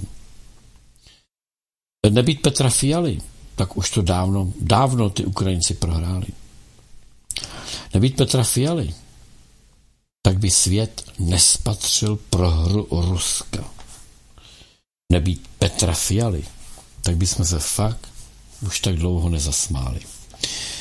Bože můj. Tady na fóru 24. Putin je kovboj a rozumí jen v síle. Političtí ustrašenci by si to měli uvědomit, jinak válka vítězně neskončí píše Vojtěch Laštůvka. To je blbeček, páne. Ukrajina bojuje i za nás. A když padne Kijev, na řadě budeme my. No ano, když jsme jim dodávali munici. A to vám blbečkům došlo až teď. Ale to není proto, že Vladimír Putin by chtěl dobít nějakou Prahu nebo nějakou českou lumpenkavárnu v Praze. To je proto, že tam sedí jeho nepřátelé. A když řekl, že bude denacifikovat a demilitarizovat, no tak asi se to dotkne i České republiky. No nic. jdeme dál. Čteme z knihy o tajných aktech nevládních organizací, jak krycí organizace CIA podnicují revoluce, převraty a války, napsal F. William Engdahl. Jelcinův puč zinscenovaný CIA plenění Ruska. Největší džív avaj národního majetku v dějinách. Mortimer Zuckerman, uh, Zuckerman, člen New York Council of Foreign Relations, majitel zpravodajského magazínu US News Art World Report o plnění Ruska za Jelcinovy vlády. Jelcinovská katastrofa pro Rusko. Boris Jelcin a jeho volnotržní reformátoři byli součástí jedné z nejutajovanějších a nejzločinnějších plenících operací v dějinách CIA. Plenění Ruska bylo realizováno korupčnickou bandou zrádných sovětských generálů a podporováno jimi vybranými chráněnci KGB, kteří se díky puči vyšvihli na miliardové oligarchy. Bylo to hospodářské plenění, které bylo umožněno západními bankami a údajně demokratickým think tankem Washingtonu za vlády amerických prezidentů Ronalda Reagana, George H.V. Bushe a Billa Clintona. Na západě bylo jen málo lidí schopno pochopit zármutek a hněv ruského prezidenta Vladimíra Putina, když před vybraným publikem politiků Dumy v září 2016 v Kremlu prohlásil Vy víte, co si o zhroucení Sovětského svazu myslím. Nebylo nezbytné. Mohli jsme zahájit reformy, které by také vedly k více demokracii, aniž bychom toto dopustili. Putin nemusel toto blíže vysvětlovat. Každý z přítomných věděl, že tím mínil brutální zničení existenčních základů, pocitu sebevědomí a hrdosti většiny Rusů po roce 1990. Kdyby někdo v USA nebo v EU přemýšlel o Putinových slovech, pronesených uprostřed bezpříkladné, pomlouvačné a demonizující kampaně, ze strany USA a NATO proti Ruské federaci a Putinovi osobně, včetně hospodářských sankcí, pak by je pravděpodobně chápal jako potvrzení toho, že Putinovo Rusko směřuje k obnově Sovětského svazu.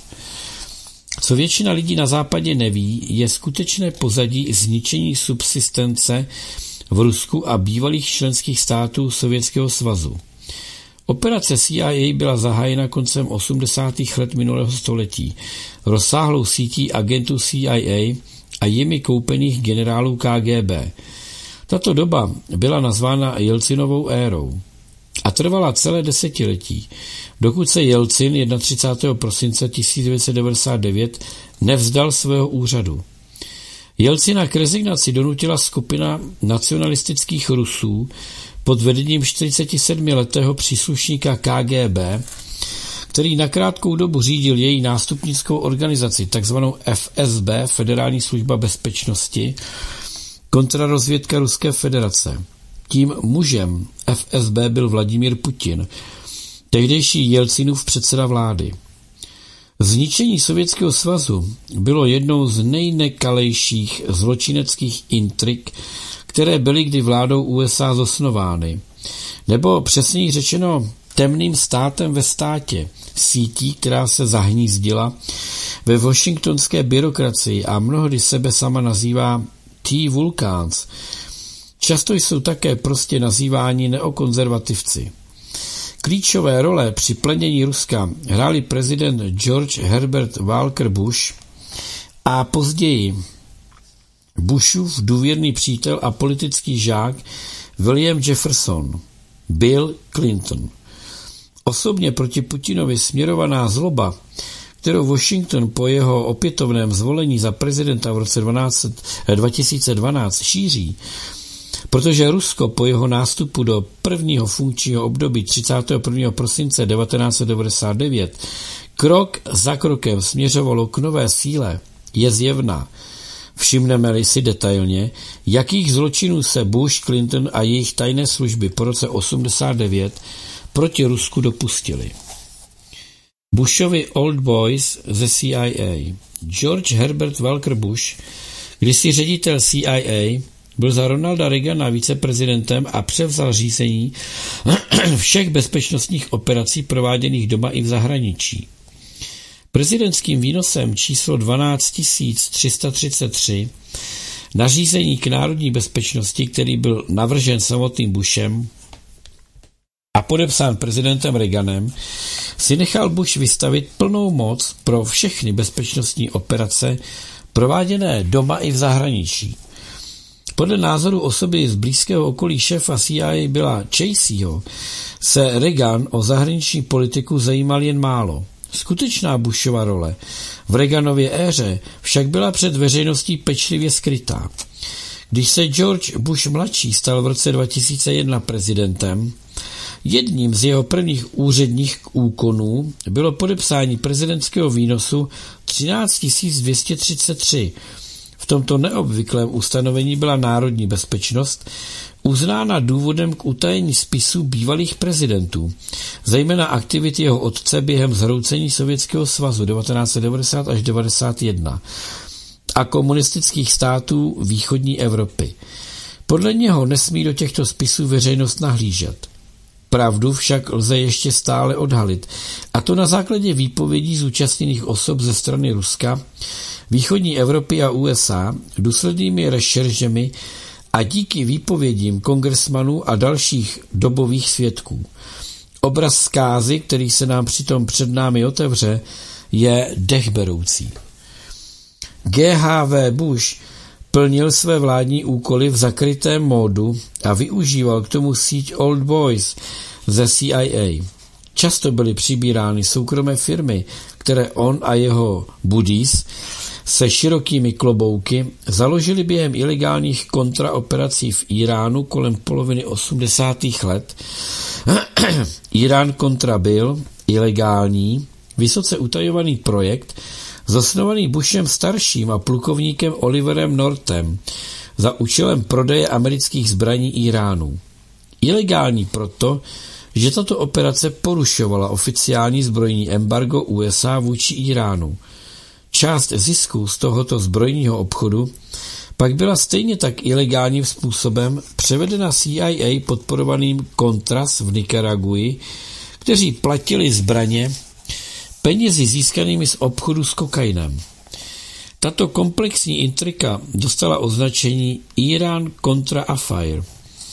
To vše se stalo bez nezbytného schválení kongresem, což bylo v rozporu s platným americkým právem. Když Jimmy Carter nařídil předčasné penzionování 800 agentů CIA, mnozí z nich byli věrnými stoupenci bývalého ředitele CIA Bushe. Seskupili se tito do soukromé spravodajské a obchodní sítě jakéhosi státu ve státě. Dali si jméno T-Enterprise. Tato síť, která v Irán kontra Affair působila ve prospěch viceprezidenta GHV Bushe, byla později využita prezidentem Bushem, aby podkopala a narušila celou komunistickou východní Evropu a nakonec i Rusko Borise Jelcina. Operace, které byly GHV Bushem autorizovány pod kodovým označením T-Enterprise, měly být již brzy odpovědné za CIA financovaný puč, který v roce 1991 znamenal konec pro Michaila Gorbačova a Sovětský svaz – ale aby toho nebylo málo, T-Enterprise vězela i za podplácením vysoce postavených generálů KGB a prudkým zestupem tzv. ruských oligarchů.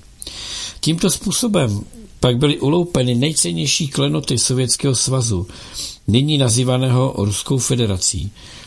Toto drancování státu zahrnovalo mimo jiné zlaté rezervy Ruské národní banky na počátku 90. let minulého století – Kořist byla z části uložena do pečlivě vybraných CIA kontrolovaných švýcarských bank, z části byla také uložena u bank v offshore zónách. Jelcinův CIA zinscenovaný demokratický puč.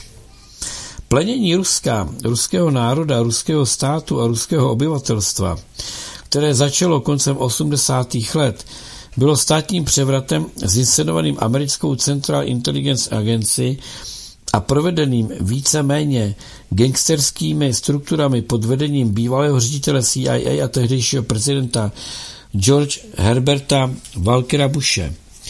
Západní interpretace tehdejších vnitroruských událostí během Jelcinovy éry 90. let hovoří o ruské mafii nebo o ruském organizovaném zločinu.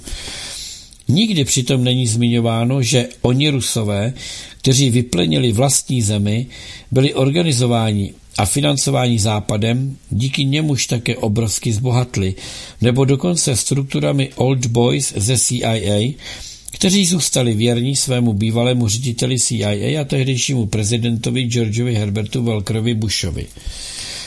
Co se dělo v 90. letech minulého století za vlády prezidenta Borise Jelcina, popisuje zasvěcený insider Mortimer Zickerman, sám člen New York Council of Foreign Relations a majitel zpravodajského magazínu US News World Report. Zuckerman popisuje události kolem drancování Ruska za vlády Jelcina jako největší gajv a vaj národního majetku v dějinách. Toto gaj a vaj přesněji tato krádež bylo realizováno regulérní krádeží, z části také měnovou válkou a z části podvodným výměnným programem, při němž USA schvalovali balíčky pomoci a půjčky od Světové banky nebo MMF pouze výměnou za podíly v podnicích. Tyto balíčky pomoci a půjčky nikdy nedopadly na ruskou půdu, poznamenává Cickerman. Washington, který tajně spolupracoval s pečlivě vybranými americkými a evropskými bankama, bankami, umožnil Jelcinovu klanu oloupit ruskou státní kasu o její zlaté rezervy. Banky poté nabídly naléhavě potřebné americké devizy podle privatizačního schématu, jehož pomocí byl vytvořen a etablován kleptokratický režim. A tak za Jelcinovy vlády vznikl komplot hyperbohatých oligarchů, které mnohá ruská média nazývala Jelcinovou rodinou, zjevně s narážkou na mafiánskou rodinu. Washington a mainstreamová média USA popisovali tento průběh cynicky jako zavádění demokracie a volného tržního hospodářství v postkomunistickém Rusku. V roce 1989, už brzy po svém nástupu do úřadu prezidenta USA, dal George Herbert Walker Bush podnět k zahájení operace plenění Sovětského svazu. National Advancement of Democracy NET a skryté poskytování peněz vlády USA polské solidaritě v 80. letech vážně oslabili kontrolu Moskvy nad Polskem a dali podnět vzniku antikomunistických protestních hnutí ve východním bloku. Úspěch Polska také proto, že tam nebyly nasazeny tanky sovětské armády, jako například v roce 56 v Maďarsku, nebo v roce 68 během Pražského jara, povzbudil srovnatelná ilegální protivládní hnutí v sověty ovládaných státech východního bloku od Maďarska po východní Německo. V Afghánistánu to rudá armáda po deset krvavých letech vzdala a v roce 89 opustila zemi. Tuto potupnou porážku jim zasadili mudžahedínští teroristé, kteří byli vycvičeni a vyzbrojeni CIA. V Drážďanech působil od poloviny 80. let až do pádu berlínské zdi mladý důstojník KGB jménem Vladimír Putin, který byl svědkem toho, jak moc Moskvy ve všech směrech upadala. Moskva sama se finančně nalezala ve velmi tísnivé situaci, zejména od doby, kdy americké ministerstvo zahraničí ve spolupráci se Saudy v roce 1986 záměrně srazilo cenu ropy na minimum. Tento propad ceny surové ropy zasadil sovětskému rozpočtu tvrdou ránu, neboť komunistická vláda naléhavě potřebovala dolary. Nejen k nákupu západních technologií, ale i na obranu proti operacím CIA v Nikaraguji, Afghánistánu a východní Evropě. Plné jedno desetiletí trvající skryté tažení CIA v Afghánistánu, v němž byli převážně nasazováni Usámou bin Ládinem, naverbovaní mujahedinští teroristé, nadělilo Sovětskému svazu ruský Větnam. Pojem stvořený bezpečnostním poradcem prezidenta Cartera Zbigněvem Bržinským. V roce 1989 pak vydal prezident George H.V. Bush pokyn ke startovnímu výstřelu pro kompletní převzetí moci a vyplnění největší a strategicky významné části Sovětského svazu, tehdy komunistické Ruské federace. Rozpad Sovětského svazu probíhal brzy po ukrajinském vyhlášení nezávislosti v srpnu 1991.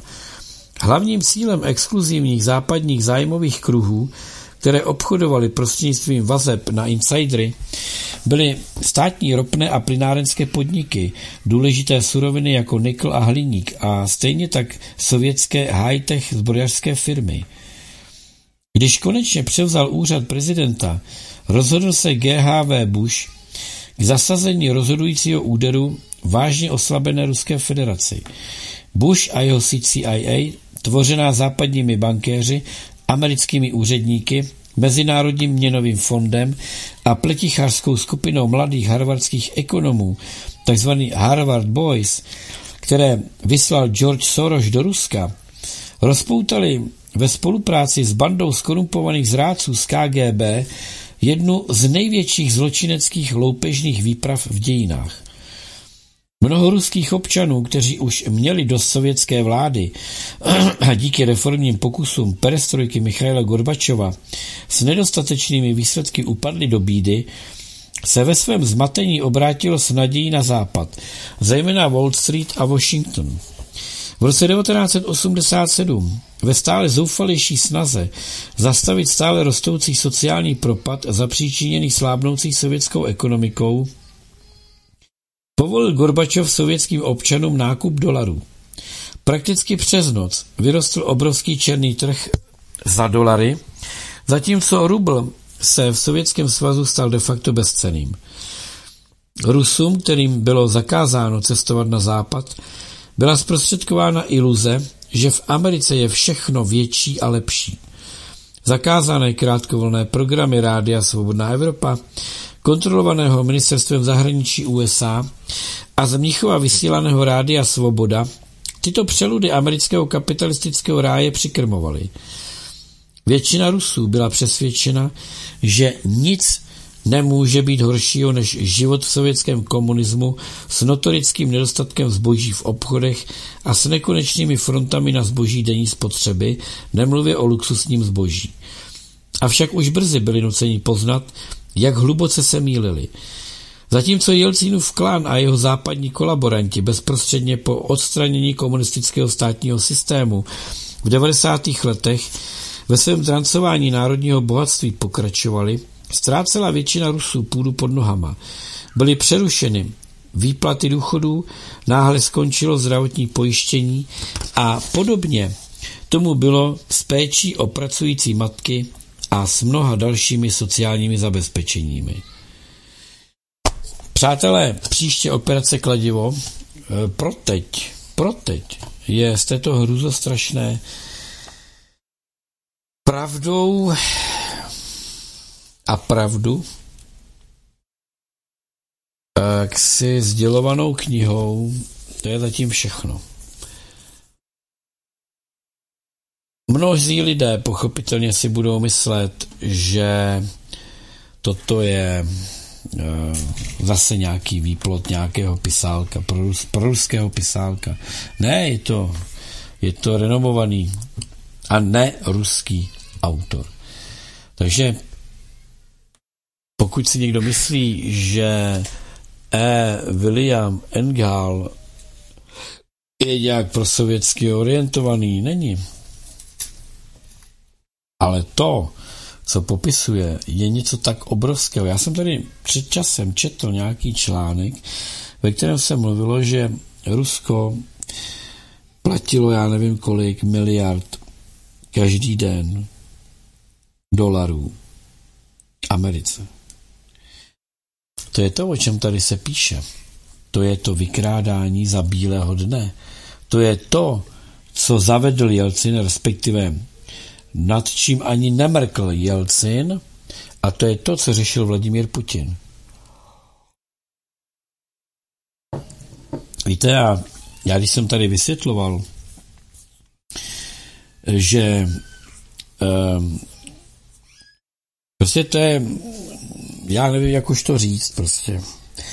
Vladimír Putin, kdyby nebyl u KGB a kdyby Vladimír Putin nedosahoval určitých kvalit a kdyby Vladimír Putin nenastoupil určitou cestu své kariéry, která ho vynesla do úrovní, ze které se dalo vůbec přemýšlet o nějakém prezidentském stolci, tak kdyby nešel touto cestou, tak by nám ten Vladimír Putin byl někde k prdu, protože by byl někde na Sibiři a tam by přednášel 20, 50 nebo 100 lidem o tom, že se to v Rusku dělá špatně. Chápeme se. Tenhle ten Vladimír Putin musel projít nějakou cestu, aby se dostal tam, kam se dostal. Tenhle ten Vladimír Putin pochopitelně pracuje s něčím a hraje s kartama, které jsou. Pokud Západ hodlá zavést um, digitální, digitální dolar, tak Vladimír Putin bude buď čekat, protože přeci digitální měna to je špatný, to, to je přeci, to je dravčí, že jo, a oni to, ne. A tak dlouho bude otálet, až mu to tam zavedou dravci po jejich. Nebo prostě to zvedne, tu hozenou rukavici, zavede digitální rubl, ale zavede ho takovým způsobem, aby nečinil, nečinil zlo, které bude páchat ten dolar. Já už nevím, jak to mám prostě někomu vysvětlit, že když dva dělají totež, tak to nemusí být totež. A že digitální měna není automaticky něčím, co je z principu špatné. Jako když se budeme bavit o noži. Je nůž něco, co je permanentně špatné? Ano, pokud je zapíchnutý v těle mladého člověka nebo nějakého člověka vůbec, zavraždilo se s tím, tak ano, je to špatně. Pokud tím nožem ukrojíte chleba, abyste bezdomovci dali najíst, tak je to asi dobrý nástroj. Když v kamenolomu odstřelují e, tu stěnu nějakým střelným prachem, tak ten střelný prach je co? Je špatný nebo dobrý? Je použité k dobré nebo špatné věci? A když tím samým střelným prachem střílíte do lidí, no tak je to asi špatné. Tak proč budeme říkat, že střelný prach nebo nůž nebo cokoliv jiného je automaticky a priori špatně? A ten, kdo to zavádí, ten, kdo nakoupí ten, ten, ten, tuhle tu věc, tak je automaticky špatný a je cínklej a slouží těm temňákům. Já tomu fakt nerozumím. Ale sázím na jedno.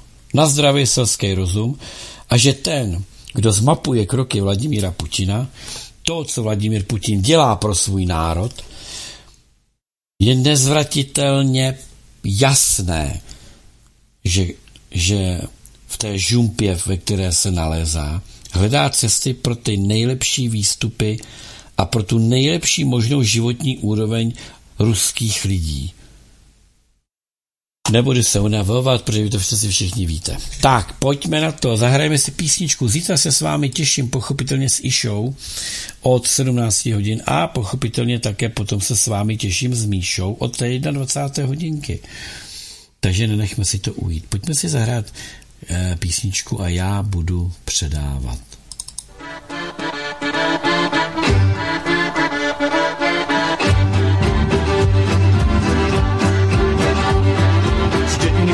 Anča odletila, prišla k nám do mesta. Po ulice chodí ako víla, ako mladá nevesta. Po obchodoch šatniach všetko skúša, čo je trochu pristane. Priore si luxus kabát pýta, pred rozhlasom zastane. Radio baby, blava number two.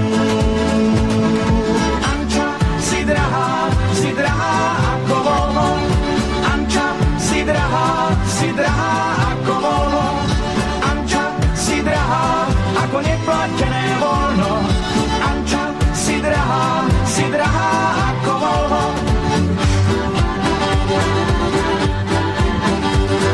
V robote sa hrá len s pínkom, neozdraví na pozdrav. Kávu pije iba s námestníkom, čo je vraví, že je naj. Keď ju večer pozvem do parku, zistíš vôbec, čo je v nej. Odmietaš ty moju pozvánku a šepne kúpim tým sprej. FIFA,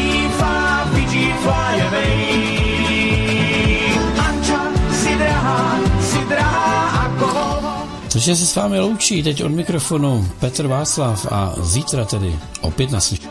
Si drahá, voľno. Anča, si drahá, si drahá.